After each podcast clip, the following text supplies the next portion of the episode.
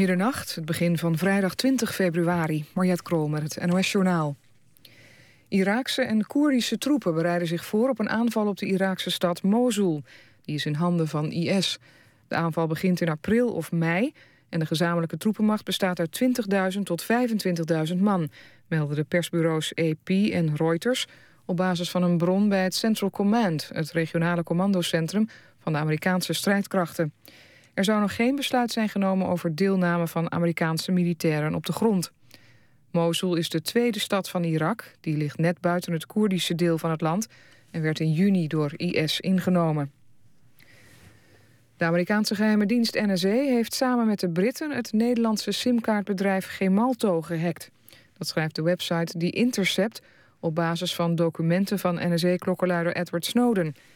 Door de hack kregen de geheime diensten beveiligingssleutels van simkaarten in handen. En daardoor kan vrij eenvoudig telefoonverkeer worden onderschept. D66 wil opheldering van het kabinet. Premier Renzi van Italië eist excuses van Feyenoord... voor het gedrag van zijn supporters in Rome. Ook de burgemeester van Rome vindt de schade... die de Feyenoord-fans de afgelopen dagen in zijn stad hebben aangericht... onaanvaardbaar. Onder meer een fontein bij de Spaanse trappen is beschadigd. Die is 400 jaar oud en had net een restauratiebeurt achter de rug. Feyenoord-fans die betrokken waren bij de rellen...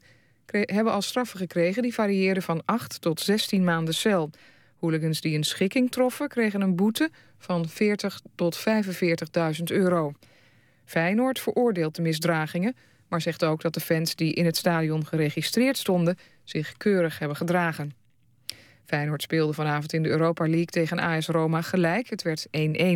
Ajax won van het Poolse Legia Warschau. Het werd 1-0 door een goal van Milik. PSV verloor van Zenit Sint-Petersburg met 0-1. Dan nog het weer. De bewolking neemt toe en er is kans op regen. Vannacht 1 tot 4 graden. De komende ochtend wordt droger, maar in de middag neemt de avond... In de middag en de avond neemt de regen weer toe. Het wordt 7 tot 8 graden. Dit was het NOS Journaal. NPO Radio 1. VPRO.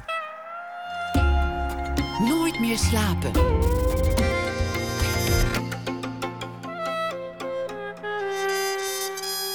Met Pieter van der Wielen.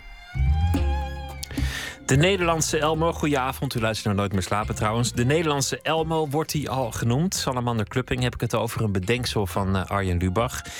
De man achter die pop is toevallig ook de man achter de echte Elmo, die van Sesamstraat. Een gesprek met hem na één uur gaan we het ook hebben over uh, plagiaat. Daarover was een uh, debat op de Koninklijke Nederlandse Academie voor de Wetenschap. Onze verslaggever was erbij. Het is een uh, buitengewoon chic genootschap daar. En hij was dan ook verbaasd dat er ineens een pornofilm werd opgezet. Hoe dat zit, dat hoort u ook na één uur. We beginnen met Bettine Vriesekoop. Dochters van Mulan heet haar nieuwe boek. Hoe vrouwen China veranderen. Want zoveel als je kunt lezen over het veranderende China zo weinig hoor je eigenlijk over de seksualiteit. En dan vooral de vrouwelijke seksualiteit in het uh, land. Bettine heeft China zien veranderen. Ze kwam er uh, al in 1980 als jonge tafeltennisser. Ze kreeg daar toen een intens trainingskamp. Bettine Vriesekoop werd geboren 13 augustus 1961 de dag dat de Berlijnse muur werd gebouwd. Ze groeide op in Hazerswoude als jongste in een gezin van negen. Al jong bleek ze een uitzonderlijk talent voor tafeltennis, werd meervoudig Nederlands kampioen, Europees kampioen, bracht het tot de Olympische Spelen. Via de sport begon haar fascinatie en liefde voor China. Ze studeerde een tijdje sinologie in Leiden, werd daarna correspondent voor NRC Handelsblad, schreef meerdere boeken. Haar eerste boek verscheen in 1996. De titel daarvan was Heimwee naar Peking. Welkom, Bettine Vriesekoop. Dankjewel. 1980, als eerste, de eerste keer dat je naar China ging als, als jong meisje. Dat was toen nog zeldzaam. Er waren niet veel mensen die daar vanuit Nederland toen zomaar kwamen. Voor alle grote veranderingen. Laten we eerst beginnen met wie jij zelf toen was. Wat, wat was jij toen voor, voor meisje eigenlijk? Um, ja, alleen gefocust natuurlijk op, uh, op, uh, op, mijn, op mijn sportcarrière. Ik was um, niet heel bewust nog. Ook zeker niet zelfbewust. Um, ik wilde heel graag, uh, graag goed worden in die sport. En dat is eigenlijk het enige wat ik me nog kan herinneren. Ik, mijn ontwikkeling op ander vlak stond totaal stil, volgens mij. Volledig op één ding gericht. Ja. Dat tafeltennissen de beste worden. Ja, zeker. Winnen. En uh, ook uh, het, ja, het, het, contact met mezelf, dat was, er, dat was er eigenlijk nauwelijks. Ik uh, had ook niks met mijn, met mijn uiterlijk bijvoorbeeld. Nou, dat vond ik eigenlijk ook nog wel leuk. Want ja, tegenwoordig is iedereen heel erg met zijn uiterlijk bezig. Maar ik was toen helemaal daar niet mee bezig. Ik wilde gewoon goed worden en dat, daar, daar moest ik voor naar China. En dat was wel mijn droom. En dat was ook een, een, een behoorlijke confrontatie met een andere cultuur. Omdat ik ook niet verwacht had wat, uh, ja, wat, wat, ik, wat ik tegenkwam in China. Dat, dat maakte heel veel indruk op me. En dat had ik ook niet verwacht, want ik had me ook op geen enkele, enkele manier voorbereid op die reis. Op het land, je was alleen maar bezig met tafeltennis, winnen, trainen, sporten. En nou ja, je moet voor die sport naar China, daar zo je training krijgen. En wat voor land dat was, dat, dat wist je eigenlijk niet. Nee, dat wist ik eigenlijk totaal niet. En ik was wel, dat moet ik wel zeggen, ik was dat jaar daarvoor wel in Noord-Korea geweest. Maar ja, dat, uh, dat was, je werd daar in een hotel gestopt en dan moest je vervolgens naar een sporthal lopen. Dus 100 meter verderop en verder kwam je eigenlijk niet. En je zag wel dat, ik, tenminste, ik heb toen ook gezien dat dat een heel vreemd land was waar niemand zomaar op straat eh, kon lopen eh, in, in, in het wild, zeg maar. Er werd altijd een begeleider meegestuurd. En het was natuurlijk heel, heel kaal ook. Er waren ook alleen nog maar zandweggetjes. Ook van het vliegveld naar het hotel, alleen maar zandweg. Dus ik, dat had ik nog wel op mijn netvlies. En heel veel rijstvelden nog in die tijd waarschijnlijk, eindeloze... Nou, Noord-Korea had ik die niet gezien hoor. Nee, want we bedoel, werden, ja. Maar in China wel, inderdaad. China, ja. En uh, ik was ook... Uh, ik was, ja, ik was low budget naar China gereisd. Omdat ik toen uh, geen sponsors had nog en zo. En het was toen trouwens ook helemaal niet mogelijk om direct te vliegen op China. Want je moest eerst uh, moest je naar Hongkong vliegen. En vanuit daar kon je dan een binnenlandse vlucht. Of de trein nemen naar het, naar het achterland van China. En uh, want nu, ja, tegenwoordig gaan er natuurlijk elke dag directe vluchten naar welke stad dan ook. Maar toen was dat dus niet het geval. En ik was ook nog eens een keer vier dagen onderweg. Want eerst met de boot naar Engeland en toen met het vliegtuig naar Hongkong. En toen eerst met de trein naar Canton. En daar moest je dan over de grens stappen. Je moest je eigen koffertje dragen. En dan werd je in een hotel gestationeerd. En dan moest je wachten op de trein naar Peking, 47 uur. Het was En- geen geluk, gelukkige kennismaking eigenlijk. Hè? Want in, in dat boek beschrijf je nou ja, het, het kamp. Een, een, een heel streng regime waar je als jonge tafeltennisser aan moest voldoen. Nog, eigenlijk nog, nog strenger dan wat je hier gewend was. En dat was al heel streng. Eenzaamheid. Ja, nou, dat was, het, dat, was het, ja, dat was het China van toen. Eh, ik, ik heb dat, dat boekje dat ik geschreven heb, Heimwee naar Peking, dat is ook vertaald in het Chinees. Xiangmian Beijing heet het eh, in het Chinees. En dus eh, mijn vrienden hebben dat allemaal gelezen. En die vinden dat heel bijzonder dat ik in die tijd, op zo'n jonge leeftijd, dat allemaal heb, heb doorstaan in China. Want ze weten van hun grootouders dat die gewoon ongelooflijk geleden hebben. En ook van hun ouders. Maar zelf hebben ze dat nooit meegemaakt. Ik bedoel, eh, de meeste van mijn vrienden zijn, eh, zijn iets jonger dan ik. Ehm, en, en ja, die, die weten gewoon hoe, hoeveel, toch hoeveel ik afge- afgezien heb. En, ehm, en hoe zwaar dat geweest moest zijn. En natuurlijk bijvoorbeeld mijn assistent, die is 72, die weet, die weet dat wel. Die heeft dat natuurlijk wel meegemaakt. En die heeft overigens zelf altijd op die campus waar ik trainde altijd gefietst. Omdat hij daar in de buurt woonde. En dat is heel vreemd. Dan heb, dan heb je later een assistent, eh, neem je in de hand. En die, die heb je mogelijk toen ook al gezien. Of ben je tegengekomen op die campus. Dat is een heel raar idee eigenlijk. Dat tafeltennissen kwam heel jong in je leven. Je was de jongste van negen kinderen in Hazerswoude opgegroeid. Ehm, je vader is gestorven toen jij heel jong was. Je was negen toen je vader doodging. En eigenlijk heel kort daarna kwam dat tafeltennissen op een enorm niveau in jouw leven. Dat nam eigenlijk dat leven helemaal over. Mhm. Dan, dan was je elf jaar oud toen, toen het echt een vlucht nam, dat, dat eh tafeltennissen. Ehm, nou, ik, ik was elf jaar toen ik begon. En toen, eh, toen ben ik al heel snel eh, elke dag gaan trainen, inderdaad. Ja. Wat betekende dat aanvankelijk? Dat, waarom werd je zo fanatiek daarin? Nou, ik vond er wel een soort structuur en ik vond het ook heel overzichtelijk. En bovendien was ik meteen heel erg verslaafd aan, aan dat ritme van, van die sport. En het geluid ook. Dat Vond ik Van die bal, eh, ja. dat geluid vond ik ook heerlijk. Pingpong, mag je dat Ja. zeggen? Of is dat, is ja, dat een- natuurlijk wel. Natuurlijk, ja. Zeker. Dat, ja, dat, als je het geluid noemt, dan denk je ook ja, meteen ja, aan zo heet het ook in. China, hè? Ping-pong show. Zo heet het die sport ook. Dus wat dat betreft eh, is het een Chinees woord.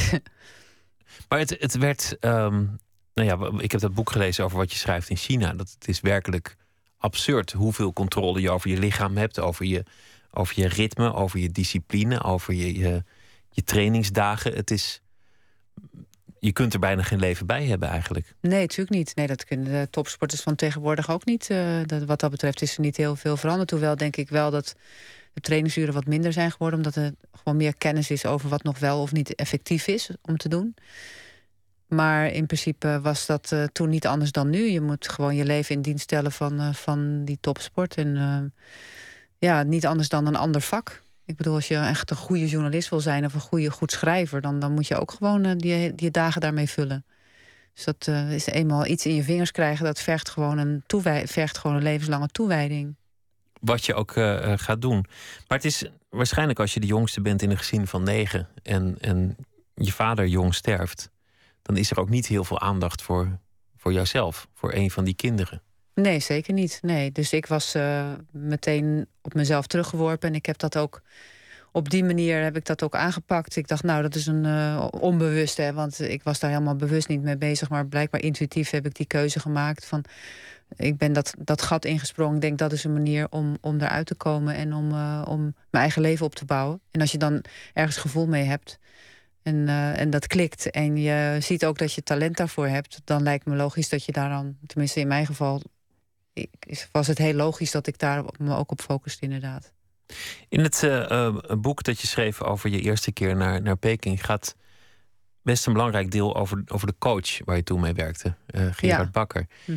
En, en eigenlijk dat je, dat je heel erg op hem gericht bent, zelfs als hij er niet is. Dat je wacht op, op post van hem, op een mhm. woord van hem. Dat je de, ja, dat, je, dat je die brieven spelt of er, of er een bemoedigend woord in zit. En de teleurstelling als hij dat eigenlijk nalaat om, om empathisch te zijn. Hoe kan het dat je, dat je als sporter zo uh, ja, gefocust raakt op, op een coach? Zekerheid. Je zoekt zekerheid. Dat, is, uh, dat was voor mij de manier om, om mijn onzekerheid, denk ik, uh, te maskeren. Ik bedoel, ik was daar gewoon afhankelijk van. Van die structuur die ik daarvan van kreeg. Maar het is bijna alsof je je identiteit uitbesteedt. Ja, zeker. Dat heb ik natuurlijk gedaan. Ja. We hebben een uh, fragment uit die tijd. Ze is door de doktoren eigenlijk via versterkende middelen nog op de been geholpen om deze kampioenschap te, te spelen. Omdat zij natuurlijk de grote trekpleister is. Martine Vriesekoop heeft een stage gelopen, een trainingsstage in uh, China. Ziet er slecht uit. Ze heeft ontzettend veel arbeid moeten verrichten. En is uh, volgens trainercoach Gerard Bakker niet gezond. En dit is het. 21-12 in de vierde game. Martine Vriesekoop wint met 3-1 de finale van Yang Ying. Ziet er slecht uit. Er zijn momenten geweest dat je, dat je bijna stond te kotsen aan, aan die tafel voor je, voor je een wedstrijd moest spelen. Er zijn momenten dat, dat de pijn zichtbaar was. Dat je toch doorging. Dat je enorm ver ging. Je hebt natuurlijk ook enorme resultaten gehaald. Je hebt hoogte gehaald die in de Nederlandse sport bijna niet gehaald worden. Er zijn weinige mensen die zoveel bekers, medailles, uh, kampioenschappen hebben gewonnen als jij in die tijd. Maar volgens mij was het ook een ongelukkige tijd. Mm, ja, kijk, als je, als je heel erg op kunt gaan in, uh, in je sport en je, je haalt ook resultaten en dat is op de een of andere manier ook nog natuurlijk voor je gevoel, dan, en je voelt je daar ook nog wel geborgen in, dan, dan is het goed. Maar zodra je gaat voelen dat, dat je niet meer die vrijheid voelt in het bedrijf van die sport, dan ga je inderdaad onvrij voelen. En dat, dat, dat, dat hangt samen met de ontwikkeling van je persoonlijkheid natuurlijk als je persoonlijkheid niet meer kunt ontwikkelen, dan kun je ook niet meer als, als sporter ontwikkelen. En op een gegeven moment kwam, kwamen die twee elkaar tegen en toen, toen was mijn plezier natuurlijk veel minder. Er is een, moment geweest, dat is, uh, dat is heel zichtbaar geweest. Er is later ook een documentaire geweest op de Olympische Spelen. Jij won een wedstrijd, het was een prachtige overwinning. En, en die coach aan wie jij je identiteit eigenlijk had uitgeleend, die begon je meteen voor de camera uit te voeteren die, die kon het niet opbrengen op dat moment om te zeggen: wat goed gedaan, gefeliciteerd, morgen weer verder. Het was bijna alsof je voor de camera brak. Mhm. Ja. Is dat het moment geweest dat, dat, dat, dat je dacht: nou ja, ik, ik stop gewoon met die carrière, ik, ik, ik hou ermee op? Ja, zeker. Ja. Op dat moment was dat uh, inderdaad uh, meteen duidelijk. Hoewel, ik had van tevoren ook al bedacht dat ik zou stoppen hoor. Dus dat was echt het eindstation. Op die manier kon ik ook niet meer langer verder. Dus dat, uh, dat, het verlies dat, versterkte me alleen nog maar in de overtuiging dat ik dat ook zo moest uitvoeren. Ja. Wat je net zei is interessant, namelijk dat, het, dat als je je heel erg kunt concentreren op iets in de sport, dan kun je dat ook op andere dingen. Mm -hmm. Dat heb je eigenlijk sindsdien wel, wel bewezen. Een van de dingen die ik bijvoorbeeld bewonderenswaardig vind, is dat je zonder enige journalistieke ervaring voor NRC Handelsblad naar China bent getrokken. Je kende natuurlijk het land wel heel goed, maar je had geen enkele ervaring met nou ja, hoe werkt een redactie, wat is nieuws, hoe schrijf je een stuk. Uh, al dat soort handwerk, dat kende je niet. En toch heb je dat gedaan. Je zou kunnen zeggen in een abstracte zin dat dat die tafeltenniservaring was. Um, ja, zeker. Ik heb natuurlijk uh, uh, enorm door, doorgezet. En ik kreeg ook van, mijn, van mijn achtervanger, zoals dat heet op de krant, kreeg ik ook um, vaak kritiek. En, en hij bewonderde het wel dat ik daar nooit, nooit, nooit zelf um, ja, kritiek dan op hem had. En weigerde zijn, zijn, zijn advies op te volgen. Ik deed al, al, altijd precies wat er gezegd werd. En uh, nog veranderen, dit is nog niet goed genoeg. En ik ging er gewoon weer aan de slag, net, net zolang tot het wel goed was. Dus dat, dat kan je, kun je wel zeggen, ja, dat, dat, dat mijn, uh, mijn sportachtergrond was. En misschien ook mijn karakter hoor. Ik, ik het was in ieder geval moedig om, om daar naartoe te gaan en, en zo'n enorm gebied waar zoveel gebeurt te gaan verslaan voor een. Ja, je, je kunt het zeggen moedig, naïef. Je kunt het van allerlei dingen kun je eraan vastplakken. Maar uh, ik heb de kans gegrepen en ik heb me ook zeker ontwikkeld. Want als je ziet, uh, als je de, de, stukken naleest die ik op het laatst schreef, die waren gewoon een stuk beter dan, dan mijn stukken die ik de, eerste, de eerste maanden schreef. En dat is natuurlijk normaal. En het is ook het eerste jaar verschrikkelijk zwaar. Dat wordt ook van elke correspondent wordt dat gezegd. En daar word je ook voor gewaarschuwd. Het eerste jaar is gewoon echt heel erg afzien. Het tweede jaar gaat het al wat beter. En het derde jaar ga je de vruchten ervan plukken. Nou ja, bij mij kun je wel zeggen dat ik wel twee jaar nodig heb gehad om een klein beetje dat in mijn vingers te krijgen. En toen ging ik er echt van, uh, van profiteren. Ja, toen moest ik al heel snel weg natuurlijk. En dat is wel jammer. Want mijn stukken vlogen gewoon op een gegeven moment veel makkelijker, uh, makkelijker, makkelijker mijn vingers uit. En um, ja, en toen was er al een correspondent voor NRC was er al bijgezet. Dus ik werd ook wel beperkt in de onderwerpen die je kon, die je kon behandelen. Dus toen was het voor mij ook wel genoeg, omdat ik ook wel ja, op, mijn, uh, op mijn tandvlees had gelopen natuurlijk. samen met een kind van zes naar China gegaan. Dus wat dat betreft was het ook wel goed. Ik, ik zat er ook wel behoorlijk doorheen. Alhoewel dat derde jaar heb ik heel veel gereisd. En dat vond ik eigenlijk ook wel hartstikke leuk. Want mijn zoon had toen ook een veilige thuisbasis bij eh, de AI, bij de huishoudster die eh, hem opving. Dus toen kon ik ook wel wat meer weg. Want de eerste jaar dacht ik van ook, oh, gaat dat allemaal goed thuis? Hè? Dat, dus wat dat betreft uh, vond ik het wel jammer dat ik het niet. Uh, nou ja, goed, ik had nog misschien wel een jaar kunnen blijven, maar ik vond het zelf eigenlijk ook wel genoeg. Die eerste periode na het, uh, tafeltennis, dat zit daar nog tussen. Je, je, je besloot te stoppen. Je, je, bent een paar jaar later sinologie gaan studeren. Eh, ineens zag je er ook heel anders uit. Het meisje van de, van de pingpongtafel werd ineens een vrouw. Je hebt op een zeker ogenblik zelfs op de cover van Playboy gestaan. Het leek ook wel een periode op een afstand van bevrijding. Ja, een soort inhaalslag. Een inhaalslag, maar dat je jezelf ontdekte. Dat je, dat je ineens allerlei boeien afwierp. En dat je ineens, ja, zeker, uh, natuurlijk. En dat was natuurlijk ook een, in, het was een, ook natuurlijk een heel ander tijdsgevricht. Uh, ik bedoel, uh, we weten nu allemaal van elkaar alles en alles staat op sociale media. En, en, we leefden natuurlijk toen nog een vrij geïsoleerde wereld. En dat begon zich toen ook te ontwikkelen. En dat, dat liep parallel aan, aan mijn ontwikkeling ook. Weet je, dat was meer pers en er was meer aandacht enzovoort. En de wereld werd uh, gewoon wat frivoler. Dus wat dat betreft was ik ook een kind van de tijd gewoon. Maar goed, een, een, een periode van, van intensieve uh, bevrijding. Ook jezelf ontdekken als vrouw. Want dat is iets waar, waar het in je boek over gaat. Hè? Over, over vrouwelijke seksualiteit en mensen die zichzelf ontdekken en bevrijden. Dat is eigenlijk ook een thema dat heel erg een rol is gaan spelen in jouw leven in die jaren. Ja, zeker, ja. Dus daar voel ik me ook uh, sterk mee verbonden. Met die ontwikkeling die die vrouwen doormaken. En dat kan ik ook uh, navoelen.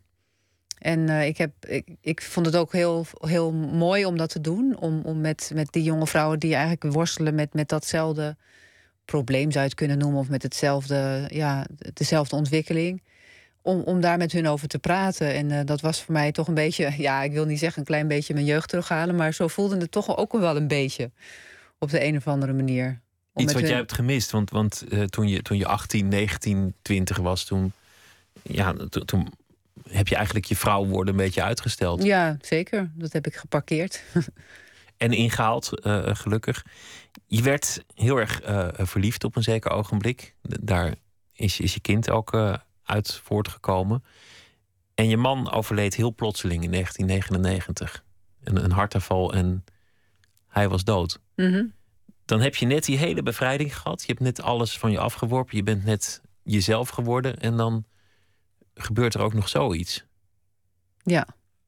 Waar, Ja, heb, je, waar is- heb je toen op teruggegrepen? Mm. Nou ja, goed, weer op mijn eh, overlevingsdrang, denk ik.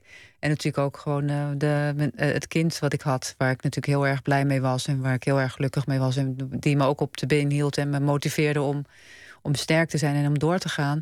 En bovendien had ik ook wel, wel ontzettend genoten van, van de aandacht en de liefde die ik van Hans had gekregen. En ook de, de journalistieke ehm, lessen die ik van hem had geleerd. Ik dacht, daar ga ik toch iets mee doen. Daar ga ik toch mee verder. Eh, en dat, dat heb ik ook gedaan. Dus op de een of andere manier heb ik, eh, ja, heb ik me ook ontwikkeld eh, voor en door hem. Maar in, dat, ehm, in die sportjaren ging het heel erg over controle hebben over, over jezelf, over je lichaam, over de situatie, over resultaten die je kunt afdwingen, de situatie naar je hand zetten. Dit is eigenlijk bij uitstek iets wat je niet naar je hand kunt zetten. Je, je, je hebt geen enkele invloed erop of iemand ineens zomaar van de een op de andere dag dood is. Nee, ja, sowieso. Dat heeft geen mens. Ik bedoel, eh, wij hebben geen controle over onze, onze levens. En in feite is er ook geen garantie dat je wat jou wel of niet overkomt. Dus eh, je hoeft ook niet te zeggen waarom mij of, of waarom ik. Waarom overkomt mij dat? Dat is, eh, ja, nee, accepteren en verder gaan. En inderdaad, dat was voor mij wel, wel best heel moeilijk om, om, om los te laten. Want een rouwproces is gewoon een kwestie van, van, van allengs loslaten van degene van wie je ontzettend veel hebt gehouden. En van de, de identiteit die je daar aan ontleent. En het leven wat je met zo iemand hebt opgebouwd. Want je kunt niet vechten, want het heeft geen zin om tegen dat lot te vechten. Nee, maar dat is wel in de eerste instantie wat je nog wel probeert. Je gaat door al die fases van die rouw. En dan denk je dat, eh, dat je daar zelf controle over hebt. Totdat je erachter komt dat het eigenlijk het enige is wat jou helpt, is dat je, dat je het inderdaad gaat loslaten en gaat accepteren. En, eh, en ja, dat, en dat moet je ook van, van, van binnen gebeurt dat. Het is gewoon een, een proces wat ook, eh, wat ook heel veel invloed heeft op je functioneren. gewoon in de rest van je leven. Want ik ben daar gewoon ontzettend door veranderd. En niet in mijn nadeel, denk ik. Je bent, bent een ander persoon geworden. De, de, de, de sporter die altijd vocht. Ja, ook dat ook, om- dat om ook, maar, maar, ook, maar ook sowieso eh, meer begrip gekregen, denk ik, eh, voor andere mensen. Hoewel je niet iedereen aandacht en eh, niet voor iedereen empathisch kunt zijn. Je kunt ook niet ieders probleem oplossen, maar ik, door wat ik zelf heb meegemaakt, begrijp ik wel veel beter wat andere mensen doormaken. Hoewel elke situatie weer anders is, maar ik weet gewoon wat het is om een heel diep rouwproces door te maken. En dus wat dat betreft eh, denk ik dat ik wel een empathischer mens gewor- geworden ben. Zonder me van alles naar me toe te trekken hoor, want dat doe ik gewoon niet. Maar ehm, ja, er gaat, wel, er gaat wel gewoon op de een of andere manier ga je ook meer open of zo voor, voor een heleboel dingen. En, en snap je het leven ook beter. Je wordt er wel wijzer van. Het lijkt bij jou alsof of alles wat, wat naar was ook weer iets goeds brengt. Ja, Het- dat is wel, dat is wel eh, wat ik dan op een gegeven moment beslist heb. Want ik, eh, toen dat net gebeurde, toen Hans net was overleden... en ik was natuurlijk drie maanden zwanger... toen, toen dacht ik, ja, nou, wat, wat, zal ik, wat zal ik ermee gaan doen? Weet je, in eerste instantie denk je, je wilt niet meer leven. En die gedachte daaraan van dat je er nog een eind aan kan maken... dat is eigenlijk ook heel bevrijdend. En dan denk je van, oh ja, maar dat wil ik eigenlijk niet. Dus dan op een gegeven moment eh, maak je de keuze... Om, om wel door te gaan. En dan, dan op een gegeven moment komt, komt er ook weer energie... En, en dan, dan, ja, dan komt die energie ook weer vrij. En dan voel je dat je een ander iemand bent geworden. En dan ben je eigenlijk ook dankbaar voor, voor alles wat je is overkomen. Dat, dat vond ik wel heel frappant. Dat is bijna een keuze om te leven. Het is bijna alsof je op een punt komt dat je denkt: wil ik leven? Eh, ga ik leven? Ga ik er nog mee door? Ja, maar hetzelfde, dat- maar hetzelfde eigenlijk, eh, dat geldt is heel, heel universeel. Want als je bijvoorbeeld in de sport verliezen accepteert, dan pas kun je winnen. Dat, dat, ik heb ook momenten gehad dat ik dacht, oh ja, maar ik ben, ik ben ziek en ik kan niet meer spelen. En dus moest ik eigenlijk al accepteren bijna dat ik niet meer mee kon doen. En toen bleek ik toch heel snel op te knappen. En toen kwam er een soort opening van: oh, nou, ik mag, ik mag toch nog. En, en ik heb dus helemaal niets meer te verliezen. Dus ja, en dan valt er eigenlijk iets van je af. En dan, dan, dan komt er ruimte. En dan, en dan ben je ook helemaal niet meer bezig eigenlijk met die winst. Je bent al blij dat je mag spelen. En dat, geeft uh... juist dat plezier eraan. En dan, dan kan je ook pas echt winnen. Dus zo heb ik dat ook ervaren, dat hele rouwproces. Uh. En was het tijdens die sport ook, ook verbonden aan de keuze om te leven? Winnen of verliezen? Je, je, je carrière? Was het pingpong zo belangrijk dat jou, jouw keuze om te leven samenhing met, met de sport? Nou, de, de, de, je, ik ontleedde mijn, mijn identiteit wel aan winst of verlies. Uh, en, en ik kreeg juist dat, die winst al op het moment dat ik daar helemaal niet mee bezig was. Uh. Maar het is natuurlijk heel erg lastig. Ik was in een tijd uh, bezig met die topsport dat, dat er ook nog nauwelijks begeleiding naast was. Dus wat, je kon ook, kon ook niet een, soort maatschappelijke carrière opbouwen naast een, naast een sportcarrière. Er zijn nu allerlei organisaties voor die die topsporters begeleiden en zo. Maar dat, dat was bij mij niet. Dus de, eh, de, drang om te winnen was ook enorm groot. Want als ik niet won, dan stortte mijn hele kaartenhuis in elkaar. Dan was ik helemaal niemand meer. Dan had je geen identiteit meer. Ja. We gaan luisteren naar een um, uh, band Big Star. Een legendarische Amerikaanse band uit de jaren 70. Keep an Eye on the Sky is nu verschenen. Het is een uh, boxset met een boek over allemaal nou ja, hun nummers en ook andere versies van uh, oude nummers. Een van die andere versies is deze, 13.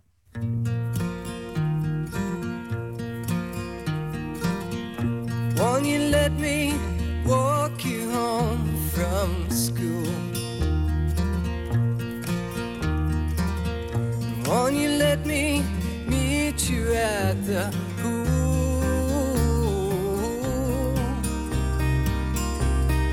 Maybe Friday I can get tickets for the dance. And I'll take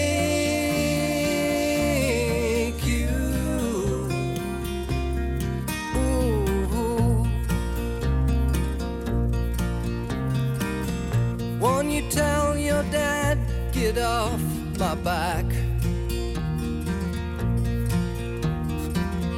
Telling what we said about painted black.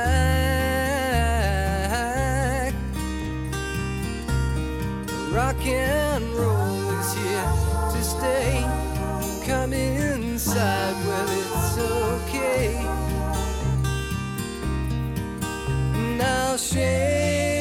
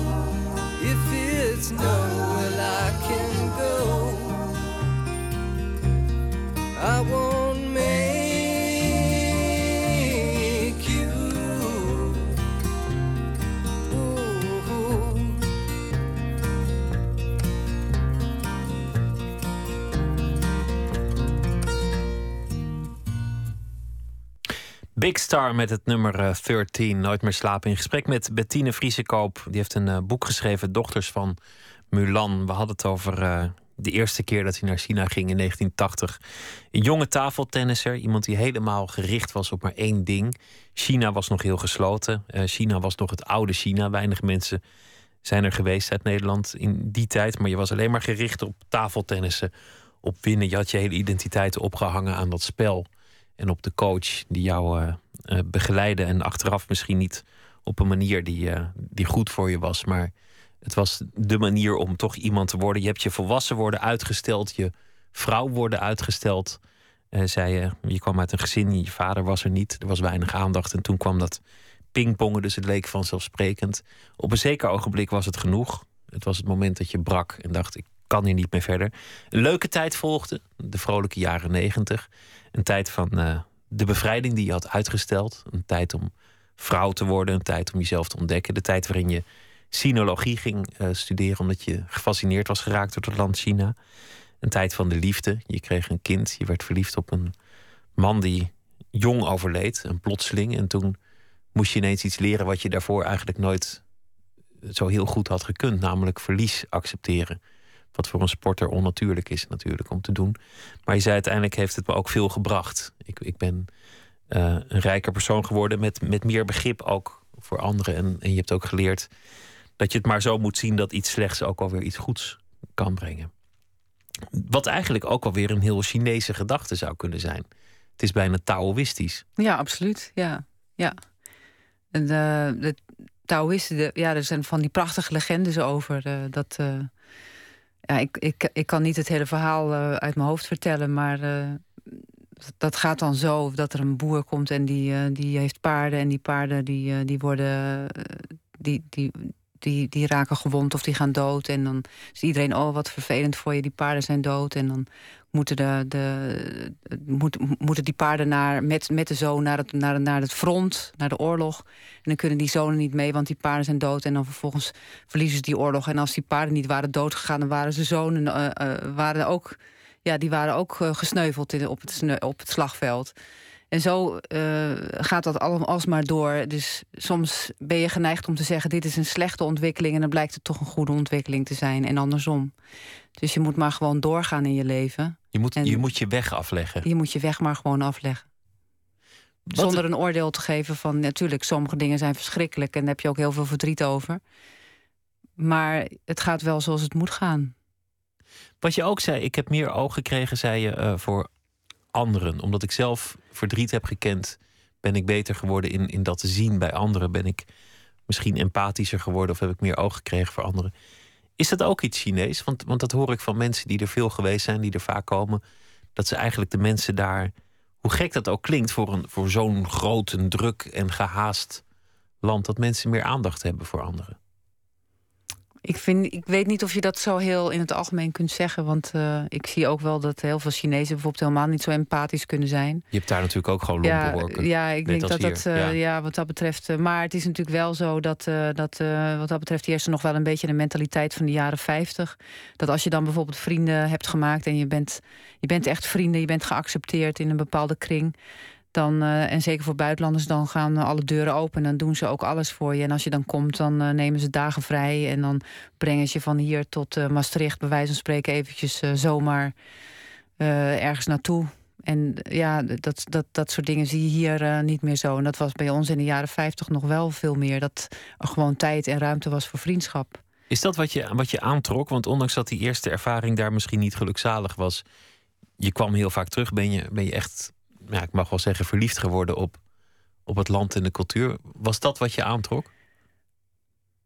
Ja, het was, het was beide. Dat, die, om, die onbekende cultuur, dat, uh, dat maakt ook onbemind natuurlijk. Uh, ik bedoel, als 18-jarig meisje had ik ook allerlei oordelen over de boerende en de rochelende Chinezen. En het feit dat ze ja, dat ze niet zo heel empathisch waren als ik bijvoorbeeld er helemaal doorheen zat. En, en, en dat wel heel streng, hè? want je moest door. Ja, en dan werd er wel eens zo'n klap op je schouder gegeven als bewijs van, van. of bij wijze van, van, van bemoediging. Maar echt aandacht of empathie was er toen niet. En het, dat land was natuurlijk zelf ontzettend getraumatiseerd nog. Want in 1976 was Mao Zedong overleden. En ik kwam daar in 1980. En heel veel mensen die haalden nog vlees op de bon. Dus het was, uh, ik bedoel, ze hadden net eh, een enorm trauma achter de rug. Dus, en dat trauma, dat voelde ik op de een of andere manier, voelde ik dat ook. En tegelijkertijd voelde ik ook die enorme gastvrijheid en die vriendelijkheid en, uh, en die hele diepe cultuur die ik, die ik nog helemaal niet kon, kon, kon plaatsen. Dus dat fascineerde me wel. En ik had natuurlijk ontzettend afgezien en heimwee gehad. Want het, het ergste wat toen mij, mij, toen heeft getroffen was de verveling. Want er was helemaal niets te doen. Weet je, als je dan klaar was met, met oefenen en trainen en zo, dan ging je op je kamer zitten. En er was, om zeven uur was er geen neon, was er geen licht. Ging het, ja, bedoel, het wordt heel vroeg donker in Peking. Ehm, en dan zat je op je kamer en dan, eh, dan kon je niet even naar de bioscoop of wat dan ook. Eh, en er was in de hele stad geen neonlicht. En ook geen Coca-Cola of Nescafé of wat dan ook. Dus je kunt ook niet even bellen of, uh, of, of sms'en of zo. Dus dat was echt afzien. En echt een confrontatie met jezelf. Dus dat nam ik mee in mijn ervaringen die ik ja, die koppelde aan, aan China. En ik dacht van, goh, wat ga ik daar nou mee doen met die ervaring? Blijf ik boos of blijf ik um, bang voor dat land? Of, of uh, ga ik dat transformeren? Ga ik er terug en ga ik er proberen kijken wat dat nou is wat ik niet begreep? En dat heb ik gedaan. 1989, dat zijn beelden die voor um, mensen van mijn generatie echt op het netvlies gebrand staan. De, de, de jongen met de plastic tas die de tank uh, tegenhoudt, het, het, meisje met de camera, al die, al die foto's die, die, die kan ik dromen. En die, die verandering, want dat, dat enorme land, dat ineens open ging, dat veranderde, de revolutie die daar plaatsvond. Dat gebeurde eigenlijk gelijktijdig met alle verandering in jouw eigen leven. Het moment dat jij jezelf bevrijdde, dat, je, dat jij zelf open ging. En die verandering, dat is, is ook iets wat een enorme rol heeft gespeeld bij heel veel mensen die jij spreekt voor dit boek, die, die je bent gaan opzoeken. Je zei al eerder van ja, dit, dit boek gaat over, over de seksualiteit, over, over de vrouwen, omdat ik mezelf daar zo in herken in wat die vrouwen doormaken. Nou ja, in eerste instantie was dat niet echt de motivatie hoor. Het, uh, misschien onbewust. Uh, maar ik ben eigenlijk allengs op, dit, op, op deze insteek gekomen. Want ik, uh, toen ik als correspondent wegging uit Peking, toen dacht ik van ik ga eerst dat correspondentenboek schrijven. En dan vervolgens ga ik een boek over, over de positie van de vrouw schrijven. En toen, nou, dat heb ik ook zo gedaan. Ik heb dat boek geschreven. Dat, dat, hij, Duizend Dagen in China. Dat, dat is een groot succes geworden. Er zijn ontzettend veel boeken van verkocht. En ik dacht, nou, nu ga ik aan dat volgende project beginnen. Dat was uh, 2010. En toen begon ik wat in te lezen. En toen kwam ik op de boeken van Pearl S. Buck. En die stonden bij mijn, uh, mijn moeder. Wij hadden niet heel, of bij mijn vader. We hadden niet heel veel boeken. Maar die boeken wist ik nog dat wij die in de kast hadden. Dat was de eerste vrouw die, die China binnen ja, de huiskamers binnenbracht. Met haar prachtige verhalen. Wel heel simpel. En wel heel erg voor de, voor, voor de, voor, ja, zeg maar de lage sociale laag. En helemaal niet voor de upper class. Maar ze heeft wel uh, op de een of andere manier dat China ja, gewoon duidelijk gemaakt. En ze heeft ook haar liefde overgebracht. En dat vond ik echt zo mooi om te lezen. Ik dacht, het is uh, heel simpel, uh, maar, maar zo over de Chinees zelf. En wat me ook trof was dat hoe de manier waarop zij Chinezen beschreef en de manier waarop ze met elkaar omgaan, dat er helemaal nog niet zoveel veranderd is. En dat, het misschien, dat er in heel veel opzichten misschien wel een modern laagje overheen is gekomen, maar dat er wat betreft die tradities, dat dat er gewoon allemaal nog is. En dat is natuurlijk ook logisch, want dat land heeft tot 1911 potdicht gezeten. Daarna is natuurlijk heel ontzettend veel gebeurd. En nou ja, je had net over 1989. Er is natuurlijk enorm veel ontwikkelingen zijn er geweest. En ja, ja en, en dat wilde ik dan opzoeken. Van wat hebben die, al die ontwikkelingen dan met die positie van de vrouw gedaan? Want de tijd dat Pearl S. Buck daar zat, ja, toen was de nee, de binnenwereld, was voor de vrouw. En en de why, de buitenwereld, die was voor de, voorbestemd voor de man. Dus, um... Maar is er, is er een, een, generatie 89 ook op seksueel gebied? En, en ook als het gaat over man-vrouw verhoudingen? Kun je dat aanwijzen dat, dat er een uh, Tiananmen-generatie is?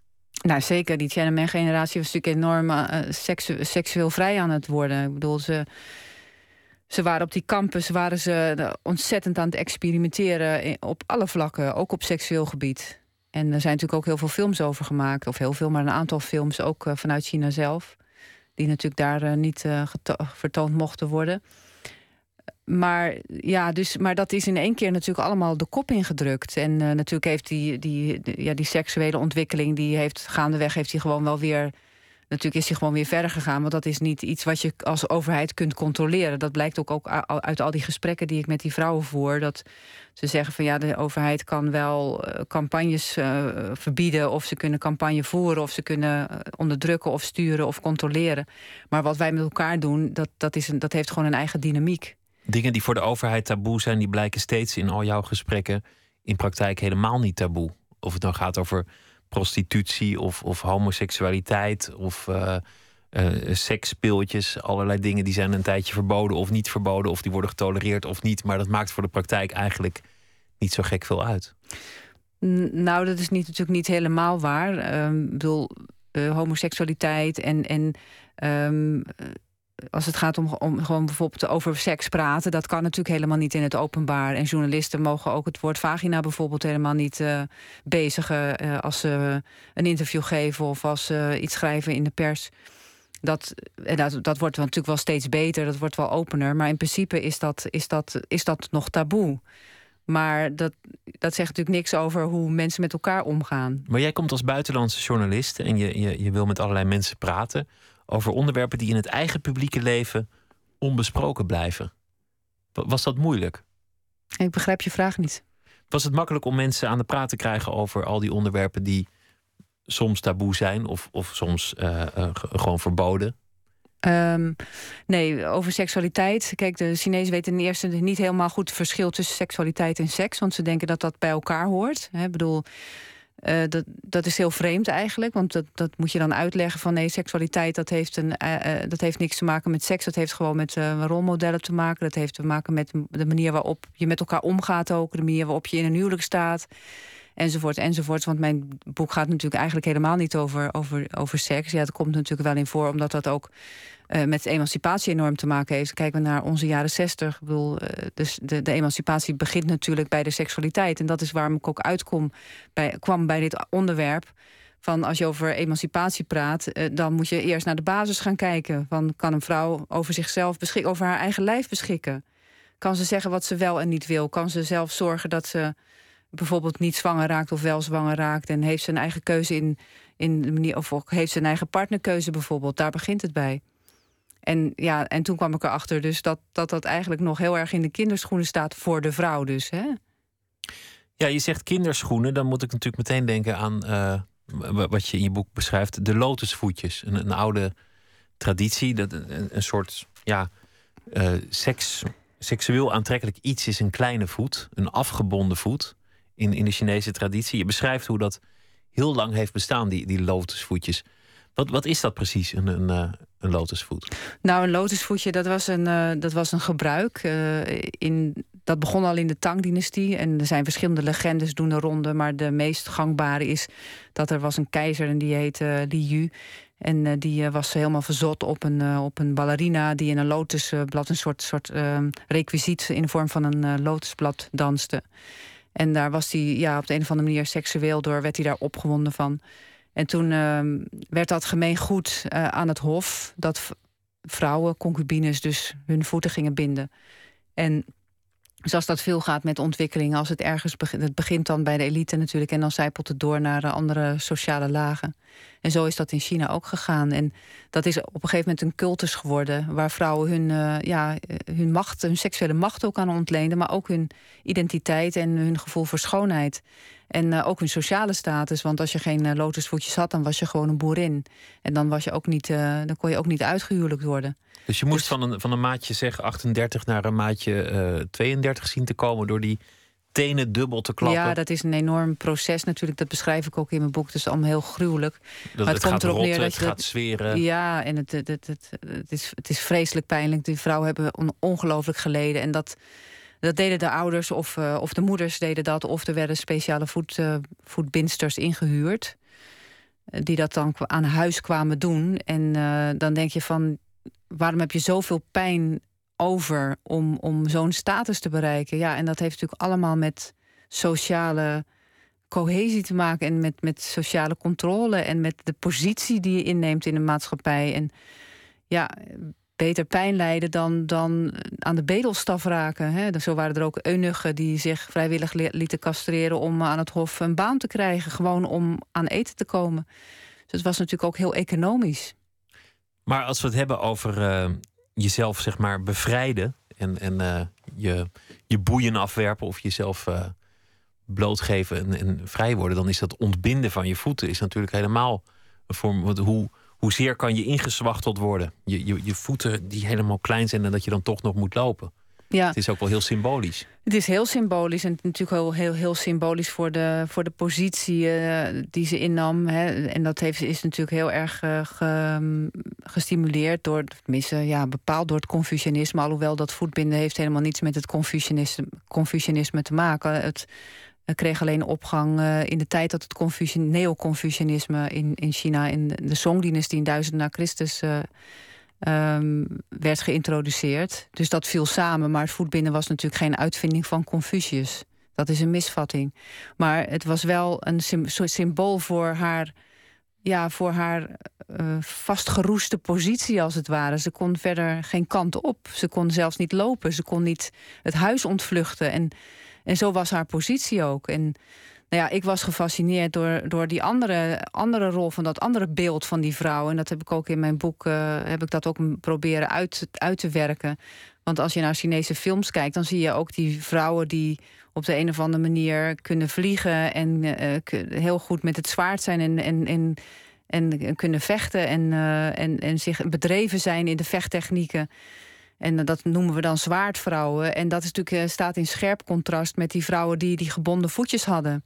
En dus ik ben een beetje uit gaan zoeken van hoe zit dat nou? Uh, waren dat fantasieën van mannen? Dat als ze dan vrouwen zich buiten die rol opstelden en heldhaftig waren, werden ze dan gemythologiseerd. En nou, dat bleek ook zo te zijn. Dat dacht ik ook van dat is vast een fantasie van mannen, omdat ze eigenlijk bang zijn.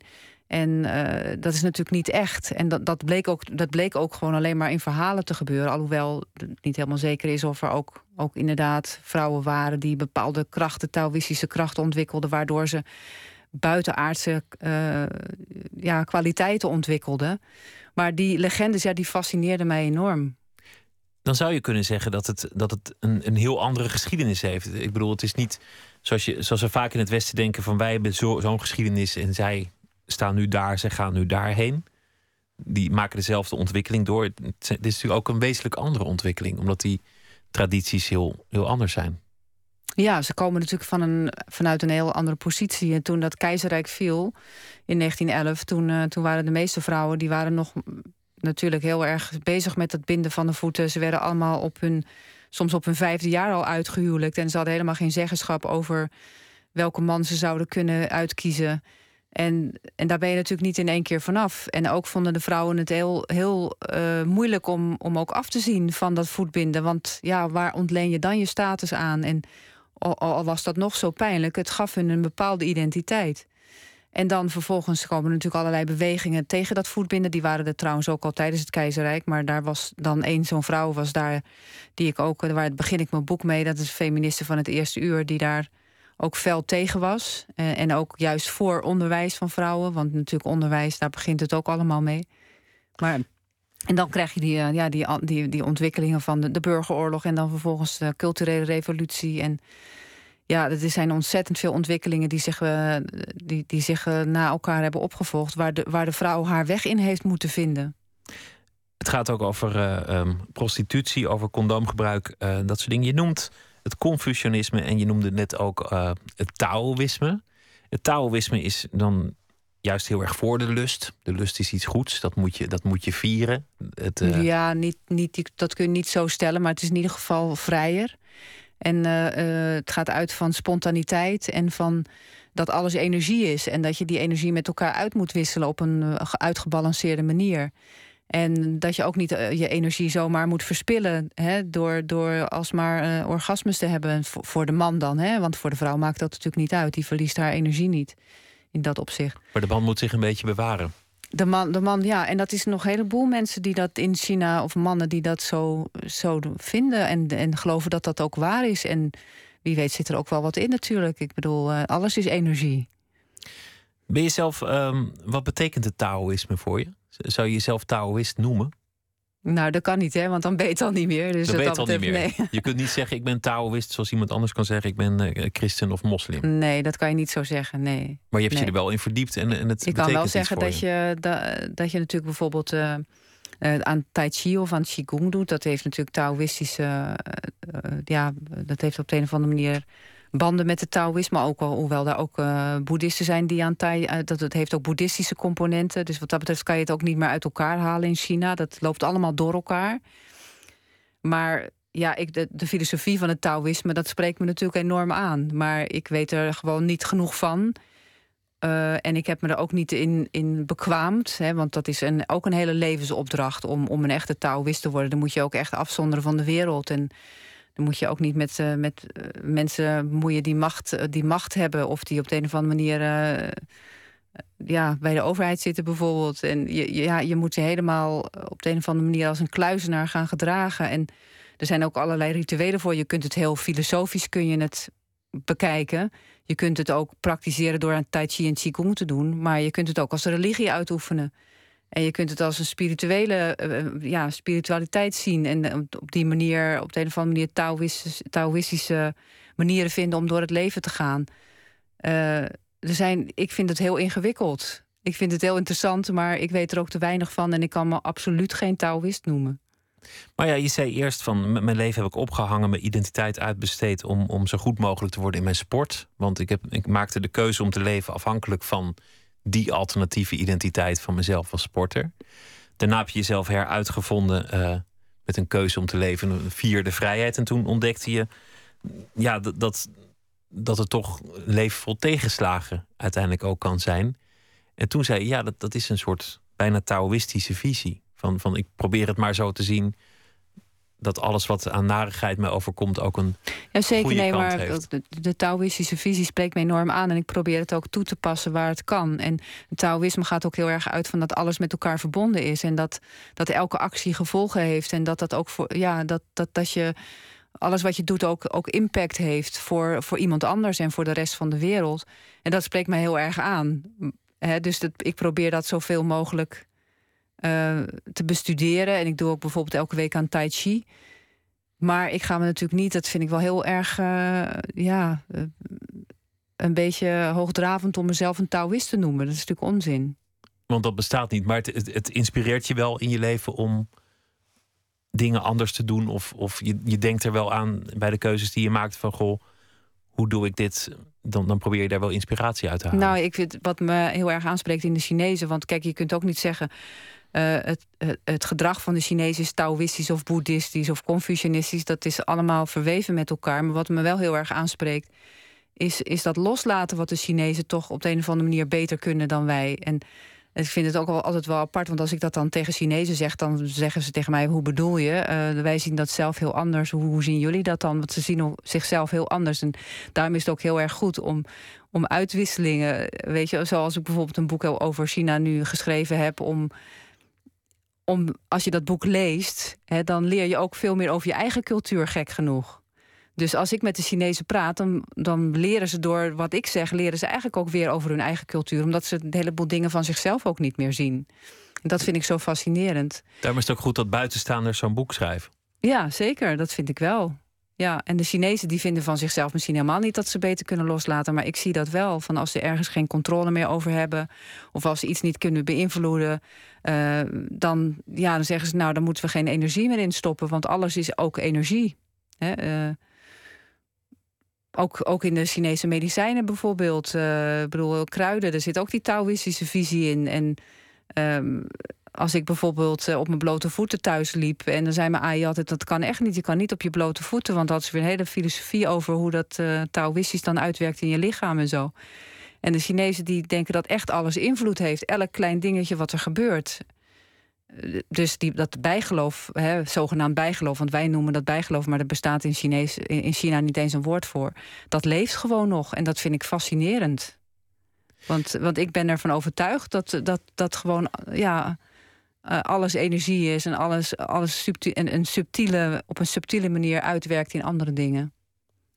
We hadden het eh, net over je eigen eh, adolescentenjaren. Je, je, vertelde terloops over je zoon die je meenam naar China toen je correspondent werd. Die is eigenlijk nu een beetje de leeftijd, vermoed ik. Die, nou, hij is al, al iets ouder, maar in die opvoeding heb jij hem een hele periode moeten begeleiden die jij zelf niet, niet heel bewust hebt meegemaakt. Hoe heb je dat eigenlijk gedaan? Vroeg ik mij af. Eh, je bedoelt de puberteit?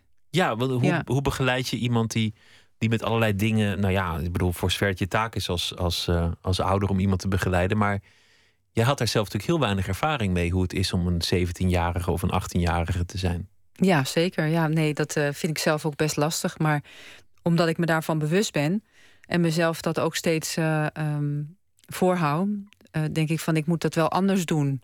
En ik moet er wel be- begrip voor hebben. Maar ik merk wel dat ik, eh, de- dat ik zelf natuurlijk heel erg die drive heb. En de- dat die drive bij mij natuurlijk extreem aan- aanwezig is. Dat ik heel graag gewoon steeds mezelf uh, wil ontwikkelen en dat ik het echt het onderste uit de kan wil halen. Dat, dat heeft natuurlijk niet iedereen en dat heeft ook mijn zoon niet.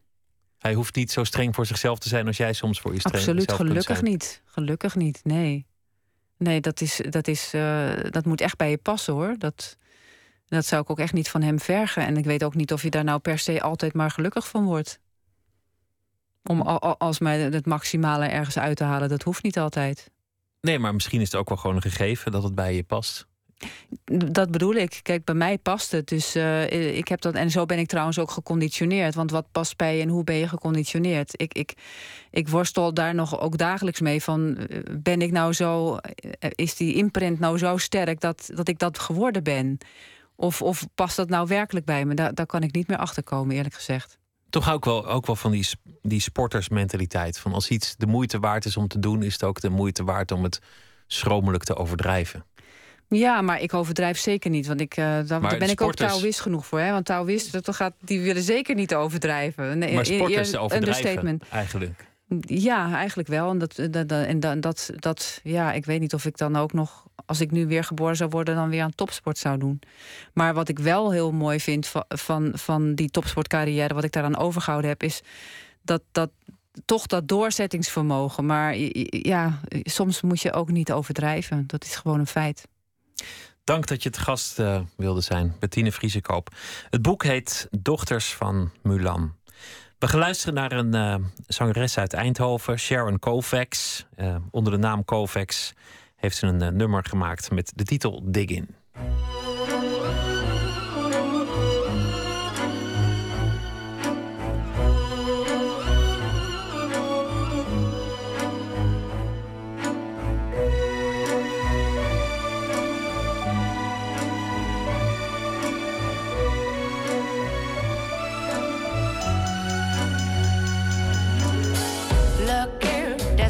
To know. I'm not like others, this needs to go slow. Got things, things on my mind, visions to make, and gold dust to find. It's not you, it's definitely me. Got dreams to believe in and bright lights to see. No spark, starting to doubt. I've got the feeling that this won't work out. I'm digging, don't want you by my side. Me and my records all alone feels right.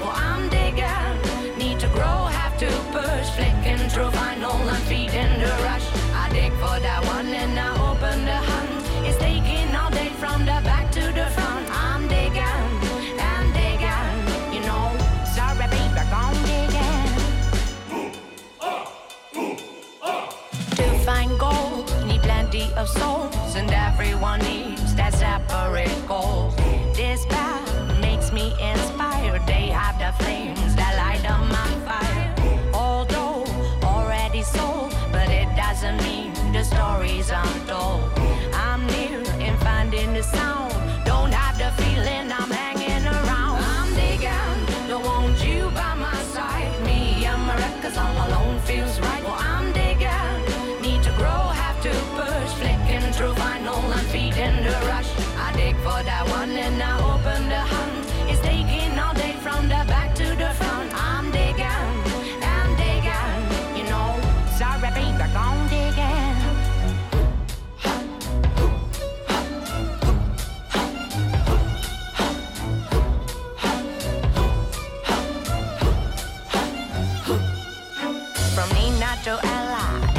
Ella to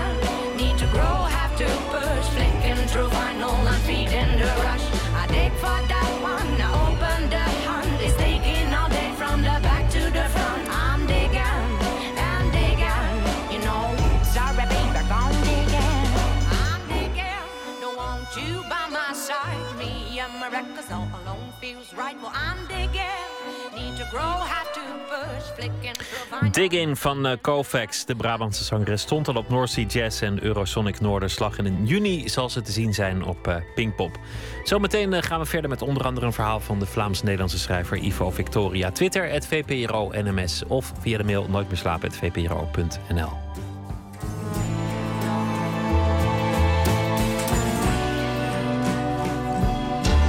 Op Radio 1, het nieuws van alle kanten.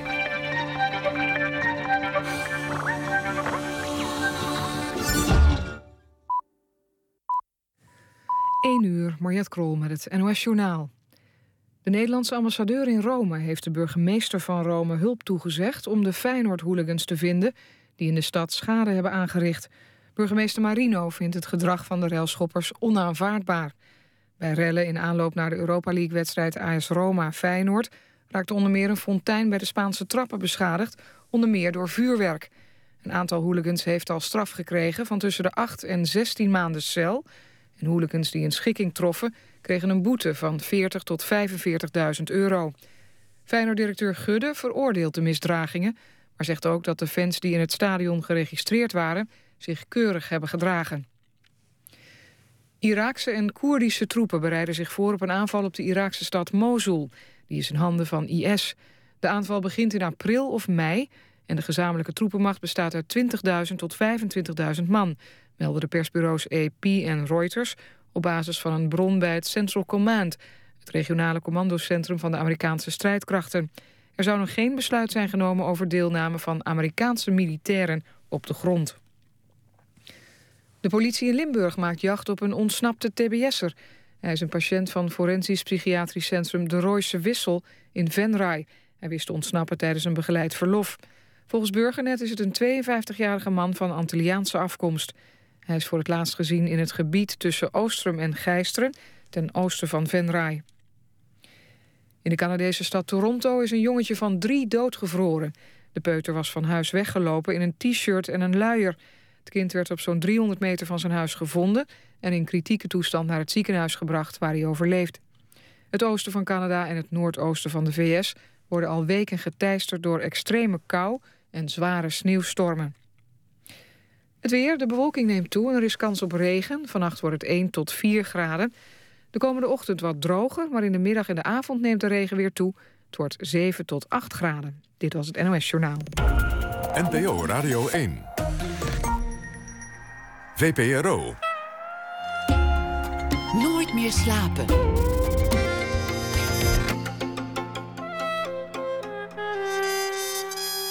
Met Pieter van der Wielen. U luistert naar uh, Nooit meer slapen. Ivo Victoria schrijft deze week elke dag een uh, verhaal over de afgelopen dag. En dat uh, draagt hij voor. Hij is Vlaming, verhuisd vanuit Antwerpen naar Amsterdam en daar woont hij. Schreef meerdere boeken. De eerste heette Hoe ik nimmer de Ronde van Frankrijk voor min 12 jaren gewon. En dat het me spijt. En zijn meest recente boek Dieven van Vuur. Ivo, goeienacht. Goeienacht, Pieter. Weer een dag voorbij. Wat gaat het snel? Vertel eens. Ja, ongelooflijk, hè? Ehm, de Grieken de Grieken, ja. Ja, ik wou het even over de Grieken hebben. Um, nou ja, ja dus uh, die hebben een nieuwe kredietlening uh, aangevraagd vandaag. Uh, waarvan uh, al min of meer duidelijk is dat het een moeilijke kwestie zal worden. Nou, het is al een hele tijd een moeilijke kwestie. Die nu zich zo stil naar het eindpunt sleept, heb ik het idee. en ik vroeg me af, mis jij wel eens de gulden? Nee, als, als zodanig niet. Ik, ik, nee, dat niet. Ik mis niet meer de gulden. Daar ben ik nu wel vanaf. Nee, daar ben je wel overheen nu, ja. Ja. Nee, ja, ik, ik heb zelf nooit zo heel veel uh, met de gulden uh, te maken gehad. Want ik ben in, uh, Nederland komen wonen in 2002. Dat was het eerste jaar van de euro. maar soms denk ik nog wel eens terug aan de Belgische frank. En daar wou ik zo met het, volgens mij, stil aan het einde van de euro zo begin aan de horizon te gloren, uh, wou ik het even over de Belgische frank hebben. Je nostalgie naar de Belgische frank, of, het, of een terugblik op de Belgische frank, dat is het verhaal geworden. Zoiets. Ik ben benieuwd, laat horen. We waren in Artis. En Lola wilde in zo'n karretje. Ik zei dat ze daar niet meer in paste. Het is waar. Maar Lola hield vol. Ik zei dat ik geen stuk van 2 euro had. Maar Lola herinnerde mij eraan dat ze haar portemonnee in mijn tas had gestoken.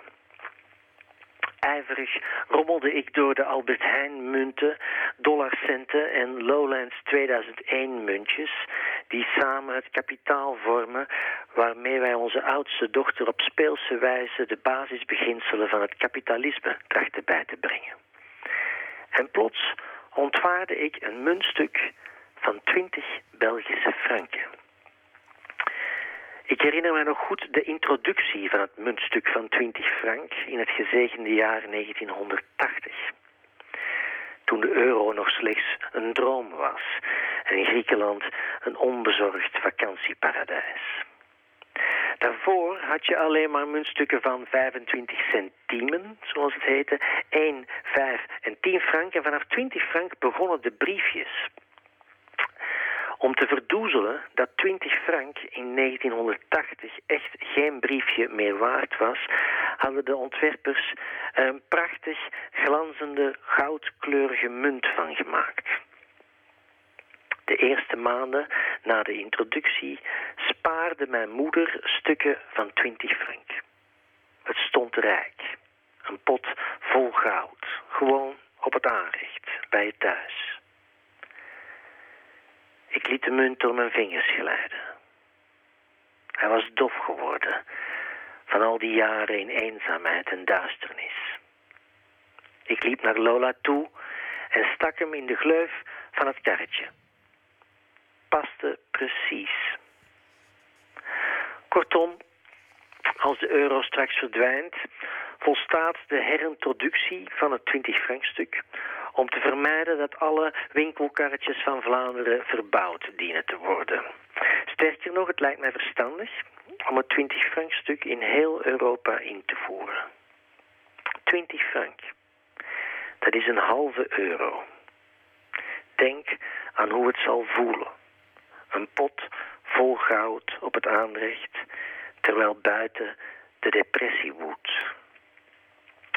Lola stapte in het karretje. Ook dat paste nog net. En zo werd het al bij al een uitermate geruststellende middag. Te midden van tal van exotische dieren, die verder ook geen idee hadden. Het 20 frank stuk invoeren in, uh, in heel Europa.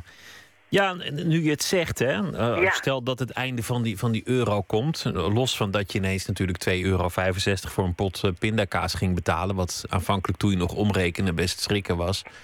Is dat, was, het, was de gulden was mooier geld om te zien. Dan de euro.